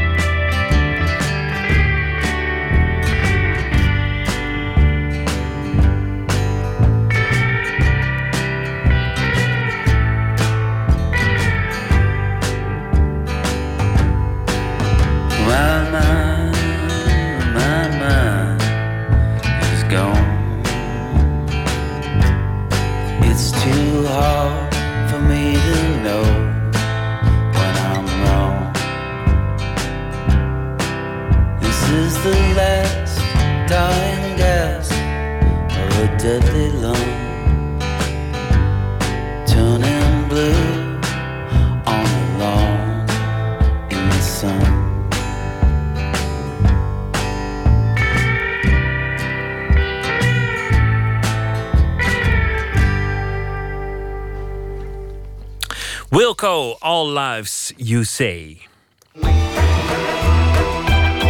Nooit meer slapen. Een expositie met Noord-Koreaanse propagandakunst. Het is eh, te zien in Goes en de timing kon niet beter. Net nu eh, de Verenigde Staten en Noord-Korea elkaar zo heftig in de haren vliegen. Anderhalf jaar geleden werd het al bedacht in Zeeland dat ze een Goes Azië-jaar zouden willen. En daarom hangen er nu 51 propagandaschilderwerken in de grote kerk van Goes. Verslaggever Botte Jellema die ging er op af en ontmoette de eigenaar van het werk, Ronald de Groen. Kijk, het is meer hoe de Amerikanen afgebeeld worden. Uh, die worden in principe altijd afgebeeld als duivelachtige mensen. Ze zijn altijd uh, lelijk geschilderd. Hoekige koppen, Hoekige grote koppen, neuzen en diepliggende oogkassen. Diepliggende oogkassen. Nou, hier zijn ze aan uh, een oogstand verbranden. Een, een, echt een heel grof slachtingsritueel. Ja, en, wordt onthoofd door Amerikanen. Staan er een beetje lachend bij. dit is ergens in een dorp. Die kinderen worden allemaal verbrand. Er lekt olie links onderuit het vat. Uit het vat, ja. Er ja. staat USA op. Nou, die kinderen kijken allemaal angstig. Dat is de boodschap die men daar meekrijgt. Ja. De Verenigde Staten blijven dus hun vijand, grote vijand. vijand. Ja, ja. Als het licht uitvalt, dan zeggen ze de Amerikanen doen dat. Het is geen verrassing, want we weten het wel uit de media. Maar het is wel bijzonder om het ongefilterd voor je te zien hangen. Schilderijen uit Noord-Korea met de boodschap dat zij het grote ideaal hebben en zijn. En dat de Amerikanen het pure kwaad zijn. De Japanners trouwens ook. In de kerk hangen 51 werken die, voor zover ik daarover kan oordelen, heel vakkundig zijn gemaakt. Taferelen van stoere en gezonde jonge mannen, productieve landbouw en fabrieken, ingenieurswerken en militairen. De trots op het eigen land spat er vanaf. Er komen veel mensen op af, vertelt de bedenker van de tentoonstelling Kok van der Wijngaard van de gemeente Goes. Nou ja, het zijn prachtige schilderijen, er is publiciteit geweest en het is heel actueel. Hmm. Dat, dat, hadden wij toen niet bedacht. Anderhalf jaar geleden hebben wij erover gesproken. En uh, nu is opeens, gebeurt er van alles in dat land. En, uh, en mensen lezen erover en die denken opeens... hè, schilderijen in Goes over ja. Noord-Korea. En ze komen van heinde en verre. Nou ja, een beetje opmerkelijk is het natuurlijk wel. Want uh, dan bedenk je als gemeente Goes... dat je een Goes-Azië-jaar hebt. Ja, ja. En dan Azië is een vrij groot uh, ja, deel van de wereld. Je kan uit heel veel dingen kiezen. Ja. En jullie kiezen ervoor om uh, propagandakunst uit Noord-Korea te, te, tonen. Ja, we willen heel veel verschillende dingen doen. Ik ben eigenlijk wel heel erg geïnteresseerd in kunst als propaganda. Dat boeit mij. En dat heb, heb, je natuurlijk heel veel in oude Russische schilderijen, in Chinese dingen. Mm -hmm. Maar in uh, Noord-Korea is het eigenlijk nog helemaal levend. Er worden hele ateliers gevuld met mensen die, in, die de opdracht krijgen om een bepaalde boodschap uit te stralen. Verzamelaar Ronald de Groen neemt mij mee naar een groot en kleurrijk schilderij dat de bevrijding van Seoul voorstelt. Ja, dit is gewoon heel goed geschilderd. Zoals het was. Alleen uh, de Koreanen die op afgebeeld staan, die staan te juichen. Zoals het niet in de werkelijkheid. Nee. Want de werkelijkheid? was precies andersom natuurlijk. Dat, uh, die uh, Zuid-Koreanen zagen dat als een, een invasie. Even terug in de tijd. Na de Japans-Russische oorlog, iets meer dan een eeuw geleden, komt Korea in handen van de Japanners. Het wordt een provincie van Japan. Dan begint de Tweede Wereldoorlog, waarin Japan een verliezende partij is. De Japanners in Korea ten noorden van de 38e breedtegraad geven zich over aan de Russen en ten zuiden aan de Amerikanen. In het noorden vestigt zich een communistische regering met Kim Il-sung als premier. Nadat de Amerikanen Zuid-Korea zo ongeveer hebben verlaten, beginnen de Noord-Koreanen een invasie van Zuid-Korea, de Korea-oorlog. De VN grijpt in en drijft de Noord-Koreanen terug. Dit gebeurt vooral door het Amerikaanse leger, maar ook Nederlandse soldaten hebben er gevochten. Landmark in for a rule of law among nations. In een poging de Korea's weer te verenigen, vecht de VN door in het noorden. Maar wanneer ze te dicht bij China komen, grijpt dat land militair in. In the Central Mountains, thousands of American troops were ambushed and surrounded by a massive Chinese division. Feitelijk was dit de eerste confrontatie in de Koude Oorlog en ook een van de meest bloedige. More than 3 million casualties fell on the hills of Korea over the war's three years. Sinds 1950 is er oorlog tussen Noord- en Zuid-Korea en sinds 1953 is er een wapenstilstand. Van dat moment is er ook een schilderij. Tenminste, zo ongeveer.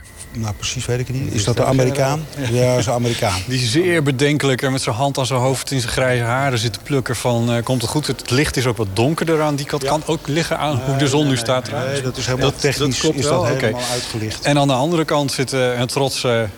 dat neem aan dat het een Noord-Koreaan Dat is een Noord-Koreaan. Ja. Die leunt iets wat achterover en eh, wordt op de foto gezet natuurlijk. Ja, eh, ja, hij staat in het licht. De geallieerden staan in het donker. Er staat die, eh, dat is een Zuid-Koreaan. En die kijkt zo van, zullen we dat nou nu al doen? Ja, ja die staat met, met zijn hand zo open van, eh, van weet je het zeker Weet je gast? het zeker? Weet je het zeker? Dit tafereel klopt ook niet helemaal zoals Nee, nee, nee, het is precies andersom. Dat is precies andersom. Kim Il-sung sterft in 1984 en Kim Jong-il volgt hem op. Al die tijd lopen de spanningen met de VS over het nucleaire programma van Noord-Korea op. In 2002 komen berichten dat Noord-Korea werkt aan verrijkt uranium.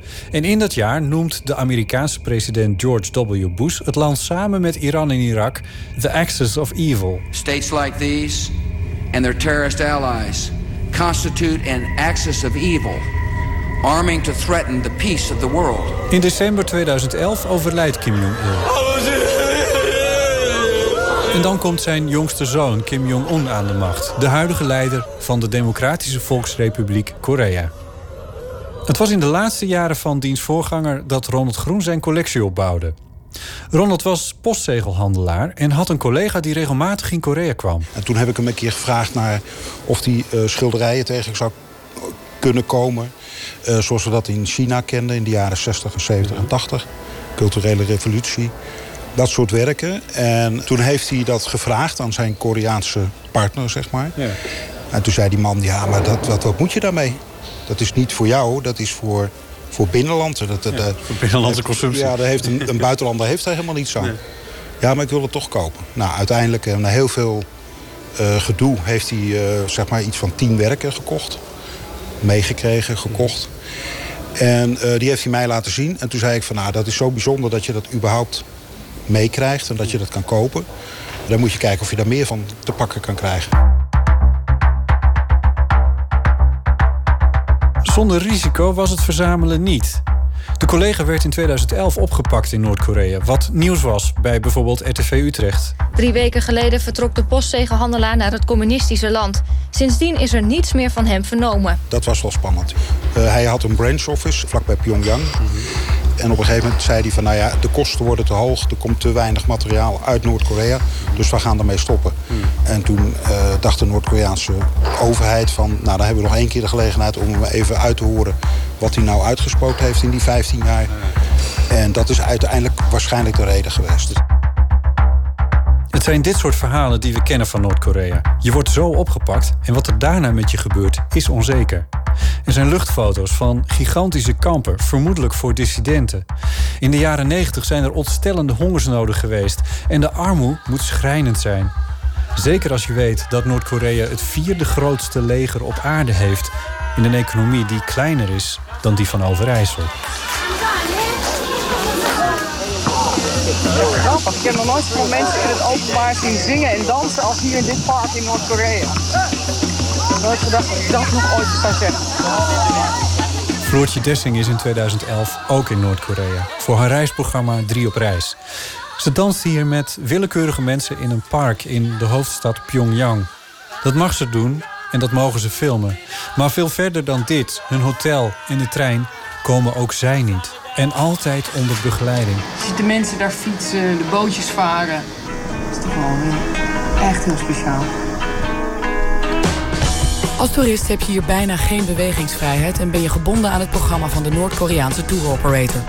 Je mag niet alleen over straat lopen, geen winkels en restaurants bezoeken en niet alleen je hotel uit. Zijn er ook dingen die jij mij bijvoorbeeld, die jij weet over Noord-Korea, die jij mij met de microfoon aan zeker niet zal vertellen? Ja, er zijn natuurlijk heel veel dingen. Je kunt alles Omdat je daardoor zelf in gevaar zou komen. Nou, nee, ik niet. Ik niet. Ik heb, ik, ik- Mensen daar misschien. Mensen daar, ja. Want dat kan op allerlei manieren uitgelegd worden. En eh, ja, je hoeft maar een half woord verkeerd te zeggen. Of wat er gebeurd is, of wat dan ook. En dat klopt niet met het verhaal wat ze tegen de geheime dienst gezegd hebben. Ja, dan hebben hun een probleem. In juli van dit jaar lanceerde Noord-Korea twee lange afstandsraketten die tussen de 3500 en 8000 kilometer kunnen overbruggen. En daarmee kunnen ze voor het eerst in de geschiedenis Amerikaans grondgebied bereiken. North Korean state television announces in its own inimitable style the success of one of the dictatorship's latest missile tests. President Trump waarschuwt ze. North Korea better get their act together, or they're going to be in trouble like few nations ever have been in trouble in this world. De VN-veiligheidsraad legt nieuwe sancties op die een derde van de export van Noord-Korea treffen. Kim Jong-un zegt dat ze raketten in de richting van Guam zullen sturen. They will be met with fire and fury like the world has never seen. Wat merk jij, Kok, van de spanningen die er zijn nu je deze expositie hier in jouw stad hebt? Nou, ik, ik hoor gewoon mensen gaan erover praten. Dat hoor ik vooral. En iedereen volgt het nieuws. En, en elk nieuwsjournaal gaat onder andere over eh, Noord-Korea. En dat, dat, dat boeit mensen. Ja, mensen vinden het afschuwelijk. Maar daardoor komen ze wel even kijken, hier kijken en zeggen ze: Goh, wat afschuwelijk. En, en wat zijn die mensen ongelooflijk vrolijk op die schilderijen. Daar klopt natuurlijk helemaal niks van. Maar ik heb ook mensen gehad die zeggen van ja. Wat jullie doen is ook propaganda. Want de toelichting bij de schilderij is wel heel erg eh, vanuit ons perspectief. En dat is natuurlijk zo, want objectiviteit bestaat niet. Hè?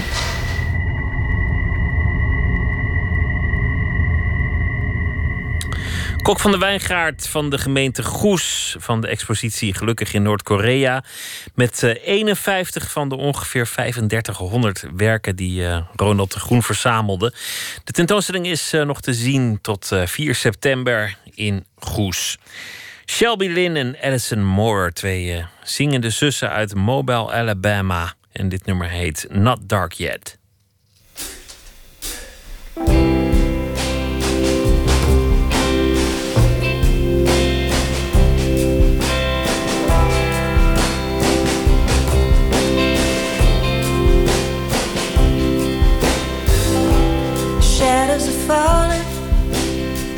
I've been here all day. It's too hard to sleep. Time is running away. Feel like my soul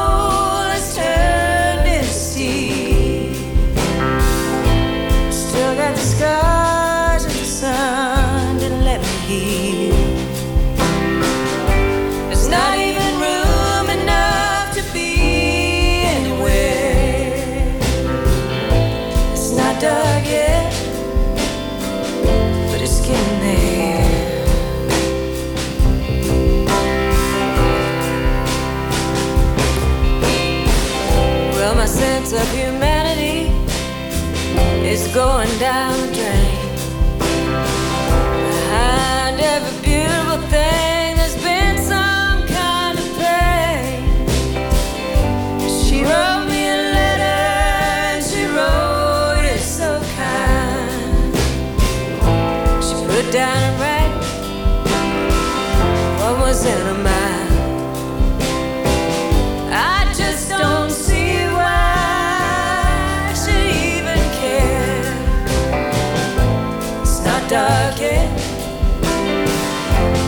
getting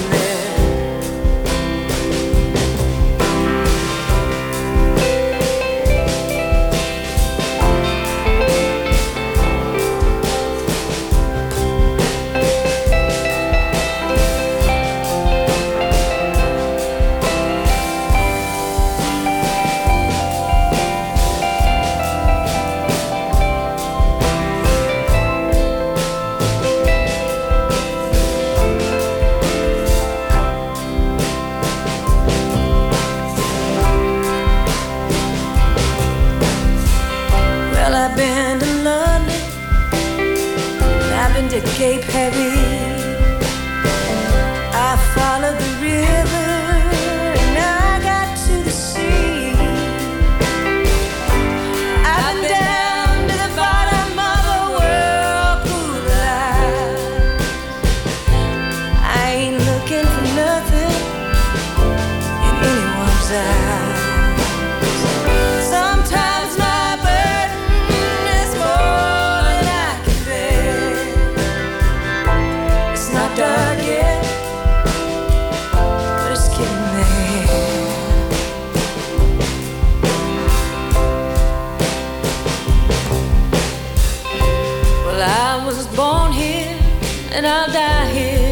Against my will.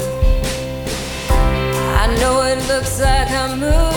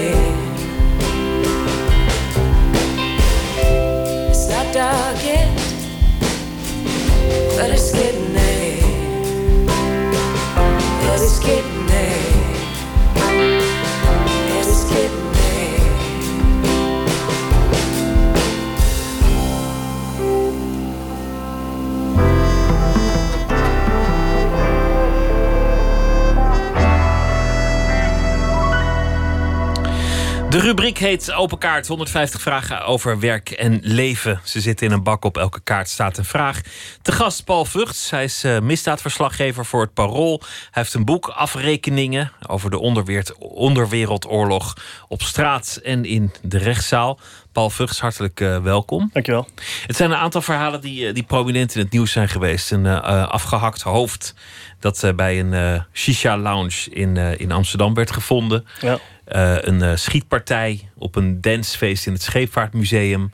Op een eh, overvolle dansvloer. En nog een paar schietpartijen waarbij onder meer op de politie werd geschoten. Waarbij voorbijgangers gewond raakten of soms zelfs om het leven kwamen. Jij hebt het overzicht erin gebracht. En eigenlijk probeer jij te verklaren wat er nou al die tijd gebeurd is. Het begon allemaal met een, met een vermiste sporttas. Ja, met een boel cocaïne erin. En dat kwam op een moment, die sporttas die was binnengekomen in de haven van Antwerpen. Het was op een moment dat er al spanning was binnen een groep Amsterdamse criminelen, machtsstrijd eigenlijk al eh, een paar jaar. Eh, en toen die eh, tas werd in beslag genomen, eh, 225 kilo cocaïne zat er ongeveer in. En dat was kennelijk de groep ontgaan. Of er speelde een andere intrige. Maar in elk geval gaven twee partijen elkaar de schuld. eh, en eh, eerst een derde partij. En toen kwam er een conflict over dat het conflict escaleerde vanwege die cocaïne. En toen eh, kwamen de eerste liquidaties. En dan volgt weer wraak op wraak op wraak. En dan wordt het, het conflict dat uiteindelijk een kamp dat in twee was gescheurd en eh, dus met twee kampen tegenover elkaar begon, eh, werd veel ingewikkelder. Mensen lopen over, verraad, eh, mensen worden gedwongen. waarschijnlijk omdat de ene partij zegt: Jij hebt eentje van ons vermoord, jij moet nu eentje van hen vermoorden. Nou ja, dan werd het ingewikkelder. En ik heb geprobeerd er enige lijn in te brengen. Eh, al kun je ook niet alle details wegschuiven eh, om, het, eh, om het lekker helder te houden, want soms is het ingewikkeld ook. En soms is het ook helemaal niet duidelijk hoe het precies zit. Wie nou wie heeft eh, eh, vermoord.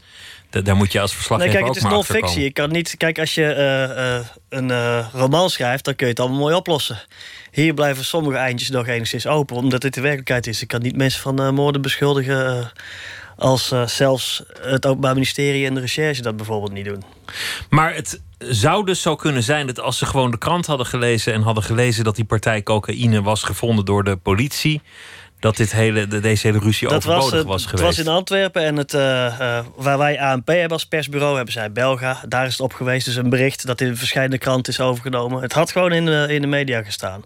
Het kan in theorie ook zo zijn dat het één partij wel goed uitkwam om eh de ruzie te beginnen, te laten escaleren, om die macht eh, over te nemen. En uiteindelijk zijn eh, een van de belangrijkste leiders van het ene kamp is geliquideerd, uh, Gwyneth de Marta.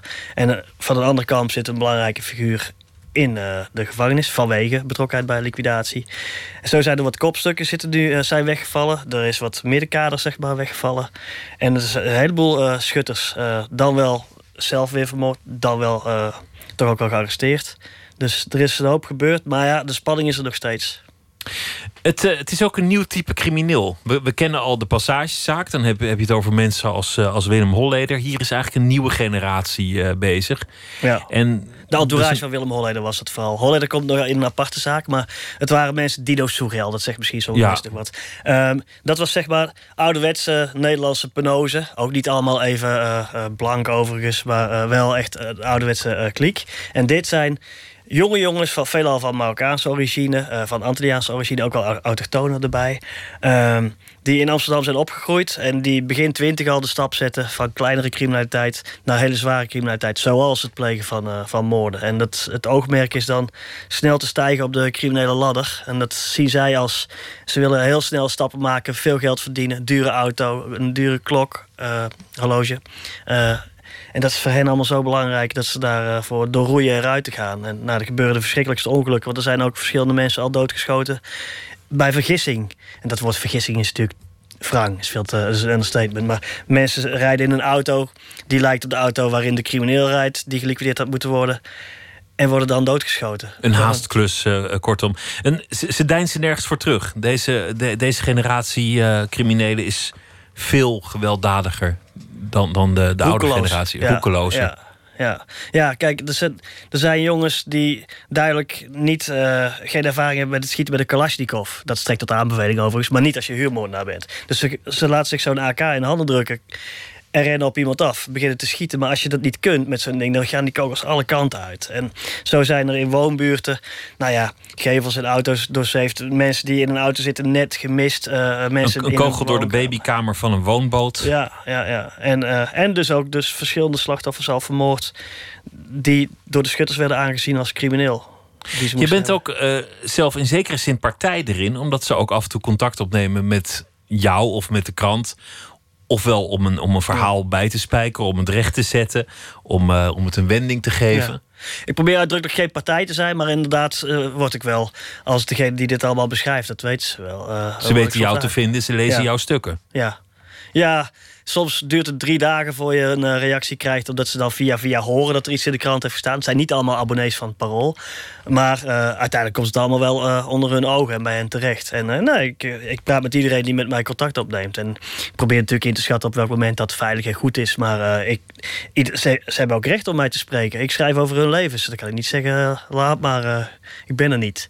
Je kunt als je over, op de sportredactie werkt ook niet de Ajax-spelers maar niet interviewen. En op de politieke redactie kun je niet alleen SP interviewen en niet de VVD. Nou, zo moet ik ook alle partijen interviewen die, eh, die mij te woord willen staan. Maar je weet wel wie er tegenover je zit als je dan Ja. ergens koffie gaat drinken om het er nog eens over te hebben. Ja, ik zorg er ook wel een klein beetje voor dat ik eh, eh, veilig ben. Niet in de zin van me beveiligen of zo, maar een veilig moment zoeken. Als iemand echt heel kwaad is, dan stel ik het één of twee dagen uit.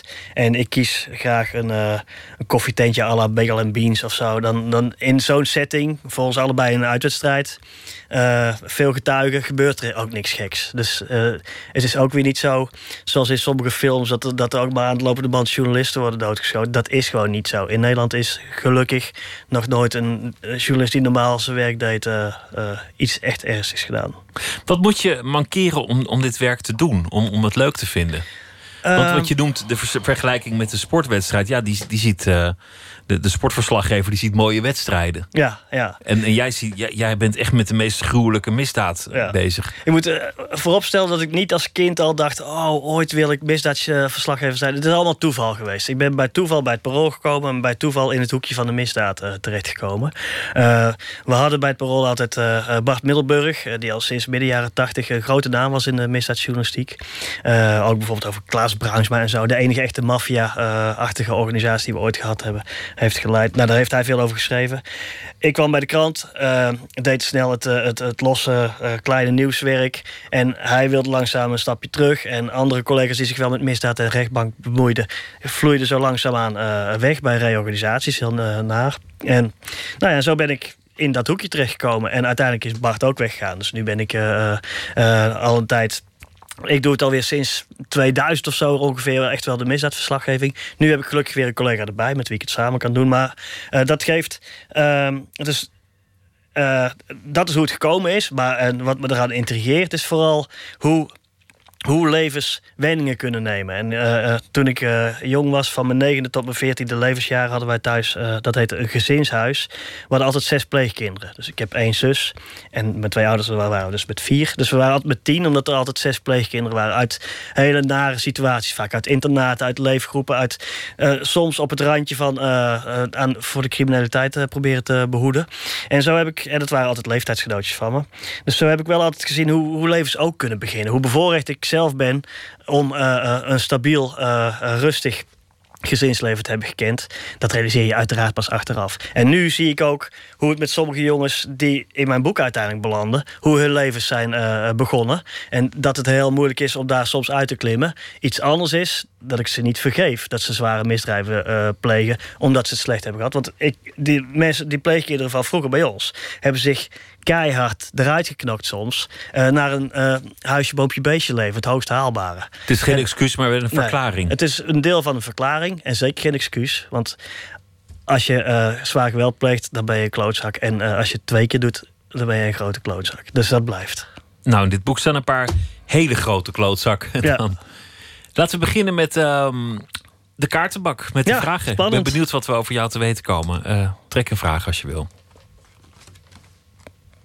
Geloof je in God? Dat is een eenvoudige vraag voor mij. Nee. Helemaal niet. Helemaal niet. Ehm, ik geloof wel dat veel mensen steun kunnen hebben aan eh, eh, hun, hun God waar ze, in, eh, waar ze in geloven. Maar dat, dat steun komt dan door het geloof. En ik, eh, als ik mag spreken met Huub van der Lubbe van de Dijk, die prachtige teksten schrijft, eh, eh, zou ik soms wel alle kerken willen slopen. Als je ziet wat er weer gebeurt. Wat voor ellende in naam van welke God dan ook wordt aangericht. Nou ja, daar hoeven we verder niet over uit te wijden. In de ook weer weken die we achter, achter ons hebben. Ehm, ik ben wel blij, bijvoorbeeld mijn oma was wel gelovig en ik ben wel blij voor haar dat het haar kracht en steun gaf. Eh, maar eh, ik denk als ik zo meteen eh, met de auto tegen de boom rij, te hard, dat er niks is. Maar je, je verslaat een wereld waarin, waarin geen enkele rechtvaardigheid is. Ja. Af en toe slaat de politie misschien een slag en komt iemand in de gevangenis. Maar zelfs dan kun je, Ja. kun je zeggen: ja, is dat, is dat rechtvaardigheid? Er is iemand dood. Of een, omstander. Nee, nee, heb, je, heb straf- je dan niet een soort hoop dat er, dat er ergens toch nog, nog, nog iemand zit die ooit ingrijpt? Ja, maar hoop is iets anders. Ik zou het fantastisch vinden als er een God was die alles zou oplossen, volgens mij. Maar ik denk dat het niet zo is. En ja, sad but true. En ik, ik geef, gun iedereen de grote vrijheid om in een God te geloven. Maar eh, je vraagt mij of ik in God geloof. Nee, niet. Helemaal niet. Laten we nog een vraag doen. Wat is voor jou het toppunt van ellende? Ja. Ik- heel, el- nou goed, we hebben Barcelona gehad en zo. En dat zou een te makkelijk antwoord zijn. Eh, eh, dat is het toppunt van ellende. Maar als ik naar eh Charlottesville vorige week kijk. Als je ziet dat daar mensen weer met hakenkruizen en met, met al die Confeder- Confederation flags en zo. Dat leren we nou nooit. Het van ellende kan zijn dat de geschiedenis zich in de negatieve zin de hele tijd maar eh, herhaalt. En dat, Dat, dat op- zelfs dit nog terugkomt. ja, kom op nou ja. Dat is toch, dat is toch het grofste schandaal wat je kunt bedenken. Dat mensen daar met, met Ku Klux Klan en, eh, eh, en, en dat de historie zich op die manier herhaalt, dat vind ik heel ellendig. Ook dat echt de oudste plekken in donkere Afrika. Ik ga heel graag naar Afrika op vakantie. De arm- armste plekken, bijvoorbeeld, bijvoorbeeld Zuid-Soedan of in Sierra Leone, die hebben dan eh, en de eh, honger en eh, oorlog. En wat gebeurt er als het heel even geen oorlog is? Modderstroom. Zijn er weer honderden mensen onder een modderstroom bedolven? Nou, dat vind ik het toppunt van, van ellende. Dat het dus niet te keren is op een of andere manier. Dat, dat die historie steeds terugkomt. Alles steeds maar terugkomt en de ellende nooit voorbij gaat. Laten we nog een vraag doen. Waar erg je aan? Nou, misschien wel in het verleden van waar we het net over hadden. eh, mensen die helemaal nul vluchtelingen willen opnemen. Terwijl eh, wij hebben hier alles. Mensen vluchten voor hun leven. Eh, vaak helemaal niet, de meeste helemaal niet met de verkeerde bedoelingen. En dan hier lekker makkelijk achteroverleunend zeggen... nee, laat ze maar opvang zoeken in hun eigen omgeving. Dat vind ik zo intens egoïstisch. Daar erg ik me wel aan. Mensen die daar te makkelijk over oordelen. Die denken dat, Ja. een, dat een vluchteling een En, keuze en heeft. als je dan met z'n oneens bent, dan ben je een good mens. Of weet ik hoe dat allemaal heet. Eh, dan ben ik maar lekker een good mens. Ik, vind, ik bedoel, is het, is het slecht om, om mensen een klein beetje veiligheid te gunnen? En, en natuurlijk moet, er moet allemaal goed gekeken worden. Wie wel, wie niet. We kunnen hier niet eh, iedereen opnemen. Het wordt altijd meteen in die hoek getrokken. Van, oh, jij bent naïef. En jij, jij weet ze, kennelijk zeker dat er geen terrorist onder zit. Dat weet ik allemaal niet zeker. Wat ik wel zeker weet is dat mensen vluchten voor de absolute ellende. Dat dat streng moet worden geselecteerd wie, wie dan echt eh, hulp nodig hebben. Maar om hier een beetje achterover te leunen. Lekker makkelijk. Je hebt altijd alles gehad je hele leven. Eh, en dan te roepen, eh, zet de poort maar dicht. Want die mensen komen geluk zoeken. Als het dan niet eens meer een recht is om geluk te zoeken. Wat zouden we dan, waar zijn we dan toe Maar, overgeleverd? maar wat je nu zegt, eh, daar spreekt de mentaliteit uit. Die, die ken ik in jouw jeugd ook speelde. Omdat, omdat jullie thuis ook mensen opvingen. Weliswaar heel ander ja, moet soort ik je ook opvang. zeggen dat dat vooral mijn ouders natuurlijk waren. Ik was negen. Maar, maar daar ben jij wel mee grootgebracht. Ja, we hadden overigens wel een soort nep-democratie... dat mijn zusje en ik tevoren de vraag kregen... willen jullie het? Als jullie het echt niet willen, dan doen we het niet. Maar dat kun je vragen aan een kind, een kind van acht. Ja. Want, eh, als de hond mee mocht, Takkie heette die... dan was het voor mij best. Nee, voor mijn ouders wel. En, maar nogmaals, ik realiseer me pas achteraf... dat dat heel bijzonder is geweest. Dit is gewoon wat gebeurde in mijn leven. Eh, de- Als kind vind je alles normaal. Tuurlijk, wat, wat, ja, wat elke dag gebeurt vind je normaal. Dus dat, misschien de eerste twee dagen niet. Moest ook wel wennen toen we aan een lange grote tafel met tien plekken eh, gingen eten. En eh, er was een broertje en zus onder de pleegkinderen. En die kwamen uit de internaten. Die waren gewend dat ze echt voor zichzelf moesten knokken. Eh, die pakken op de eerste dag gewoon... Die broer die pakt twee borden. Die schept die helemaal met bergen erop helemaal vol. Waardoor het meeste al uit de pannen was. En mijn moeder zegt... Kijk nou, vind je dit nou normaal? Eh, hij zei niks, maar het antwoord was ja. Hij vond het normaal. Hij ging voor zijn zusje, voor zichzelf zorgen. Dat je, dan krijg je dus het idee dat, dat mensen als wilden zijn opgegroeid tot dan toe. Als wilden zijn gemaakt, ook door de instellingen. Dat daar kennelijk in die instellingen niemand is geweest die zei... hé, hey, er zijn tien eh, lapjes vlees, er zijn eh, twintig aardappelen... en er is voor eh tien man groente. Als we nou allemaal één lapje vlees, twee aardappelen en wat groente nemen... dan heeft iedereen tijd. Kennelijk is dat dan niet gebeurd. Nou ja, dat, dat Ja, is een... wel leerzaam. wonderlijke manier om. en, dat- en pas later, nu ik dan misdaadverslaggever ben geworden. en ik zie allemaal zieltogende figuren voor me voorbij trekken in een stoet in de eh, rechtszaal. Want zo is het wel. Ik bedoel, er is niks romantisch. Het zijn vaak eh eh, sneuwe types. En dan denk ik, ja, god. Ik, ik snap het allereerste begin. En vanaf daarna snap ik niet. Dat Hoe je die, het, eh, laatste, hoe dat het je die verder stappen zet. Ja. Dat kunnen we lezen in het boek Afrekeningen. Paul Vugs, dank je wel. Billy Stewart was een eh, soulzanger en hij overleed in 1970 samen met zijn drie bandleden bij een auto-ongeluk. Dit jaar zou hij 80 zijn geworden. Hij werd slechts 32 en dit is een van zijn eh, mooie nummers, Strange Feeling.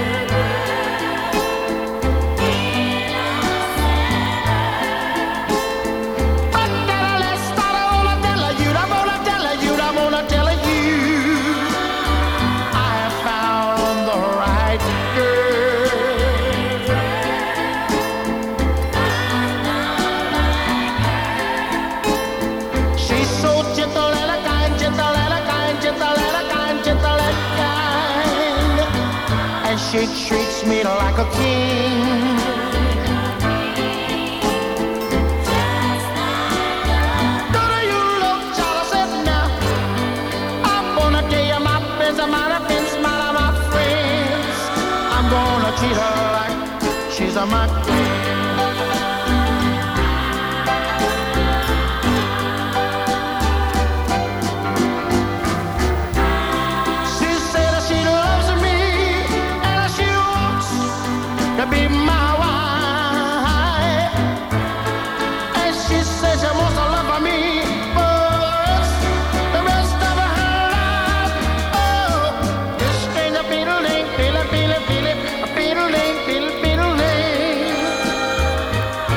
she put in my heart. Do you.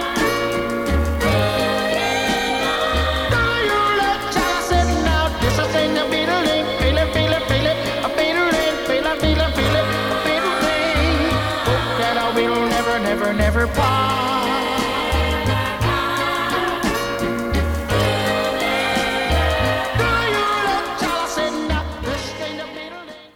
Billy Stewart met Strange Feeling. 1 minuut, een verhaal in 60 seconden. Deze gaat over eh, Joop van Zijl.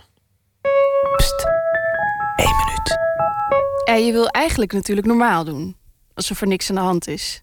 Maar het bl- blijft lastig. Het is toch een soort schok. Als je opeens iemand van de tv in het echt ziet.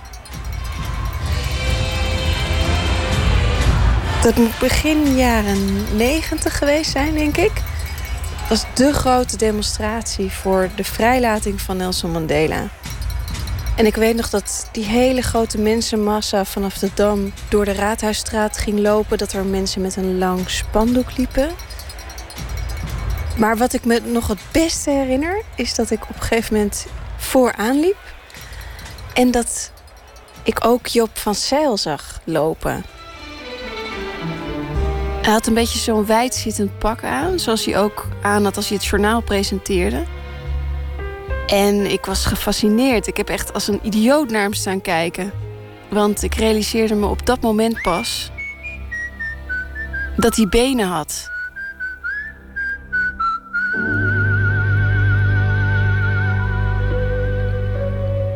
Nieuwslezer Joop van Zel bleek benen te hebben. Eén minuut gemaakt door Bente Hamel. Thomas Diepdaal is een eh, Noorse zanger en eh, dit nummer heet Like Bonnie and Clyde. The city says soft and the clouds blew by. Visions of freedom in my mind. A vague desire for homicide. You and I are living like Bonnie and Clyde.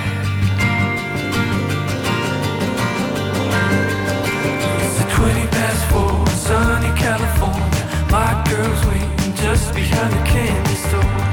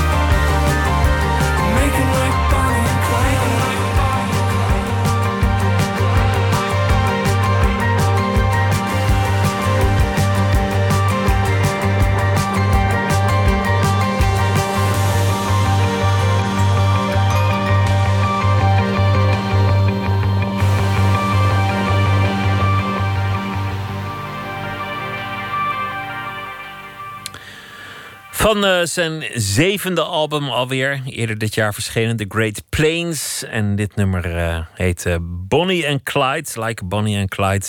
Naar het beroemde bankroversduo uit de jaren 30 van Thomas Diepdaal was dat. Annemieke Gerrits is dichter en ze publiceerde verschillende bundels. De eerste in 2008 en de laatste nog in eh, 2014. Het was de tweede, het volume van een logé. Vijf eh, gedichten ze voordragen en eh, deze heet Toespraak voor de medemens.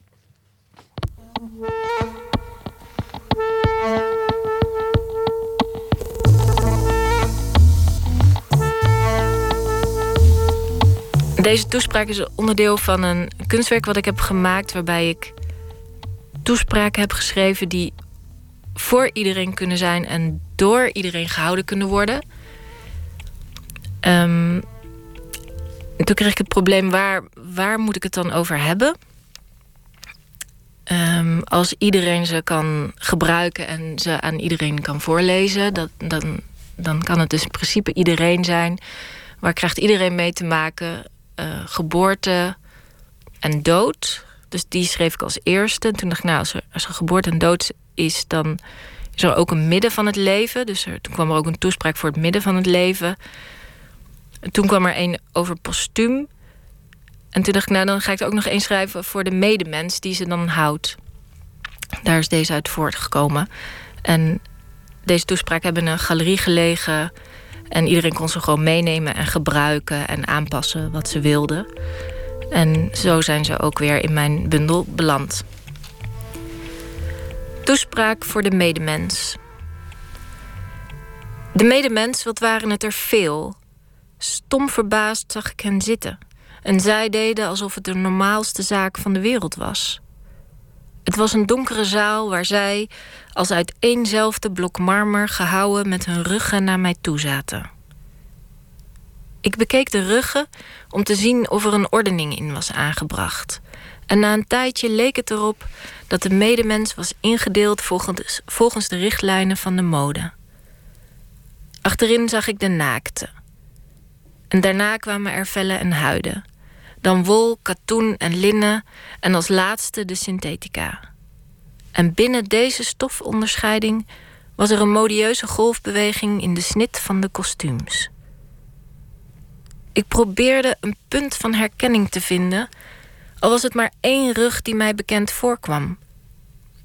Maar mijn speurtocht werd bemoeilijkt door mijn slechte positie. Je kunt veel aflezen aan ruggen, maar geen gezichten. En bovendien was de belichting nogal zwak. Toen ik nogmaals goed naar het publiek keek, viel het mij op dat zij voornamelijk uit blanke huiden bestond. Kennelijk was dit een westerse aangelegenheid.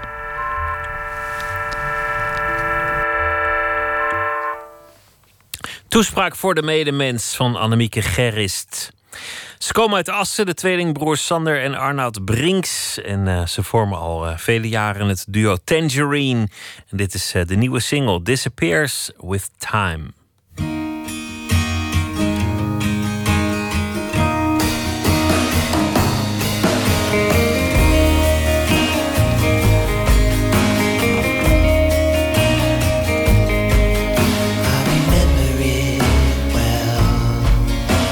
step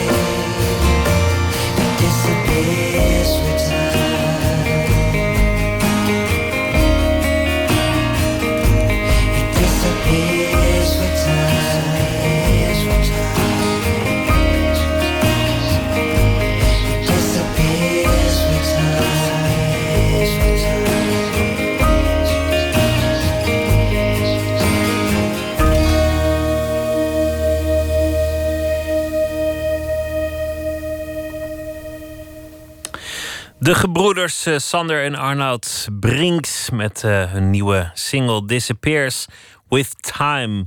Tangerine eh, is de naam van de band. En dit was van het album dat ze opnamen in Arizona vorig jaar. eh, en eh is alweer eh, de tweede single van het album. Morgen in Nooit meer slapen komt Harold Hamersma op bezoek. Bekend als wijnschrijver. Nam de wijnalmanak over van zijn grote leermeester Hubrecht Duiker. Sinds zes jaar maakt hij ook de Grote Hamersma. Dat is een wijngids waarvoor hij jaarlijks meer dan 6000 wijnen over de tong laat gaan. Van zijn hand verschenen ook andere boeken over wijn. En hij is ook nog de vaste wijncolumnist voor NRC Handelsblad en het Parool. Kortom, hij is een van de belangrijkste finologen van Nederland. En morgen dan komt hij eh, op bezoek om te vertellen over zijn eigen werk en leven en over de wereld van de wijn. En eh, ook hoe je de tijdgeest kunt aflezen aan hetgeen er in je glas terechtkomt. En dat soort eh, belangrijke vraagstukken. Dat allemaal morgen in Nooit meer slapen. Ik wijs nog even op onze sociale media activiteiten. U kunt ons volgen op Twitter, het VPRO NMS. We zitten op Facebook. Dat is ook wat te vinden. Nooit meer slapen, gewoon aan elkaar. Dan zitten we ook nog op eh, Instagram. En dan kunt u zich ook nog abonneren op de podcast. Dat doet u via iTunes of de website van de VPRO. VPRO.nl schuine streep Nooit meer slapen. En dan eh, vindt u het vast eh, vanzelf wel. En dan lukt het u ook vast wel om die podcast te vinden in oudere afleveringen terug te luisteren. Zometeen op NPO Radio 1 kunt u luisteren naar de EO. En ik wens u nog een hele goede nacht. Graag weer tot morgen.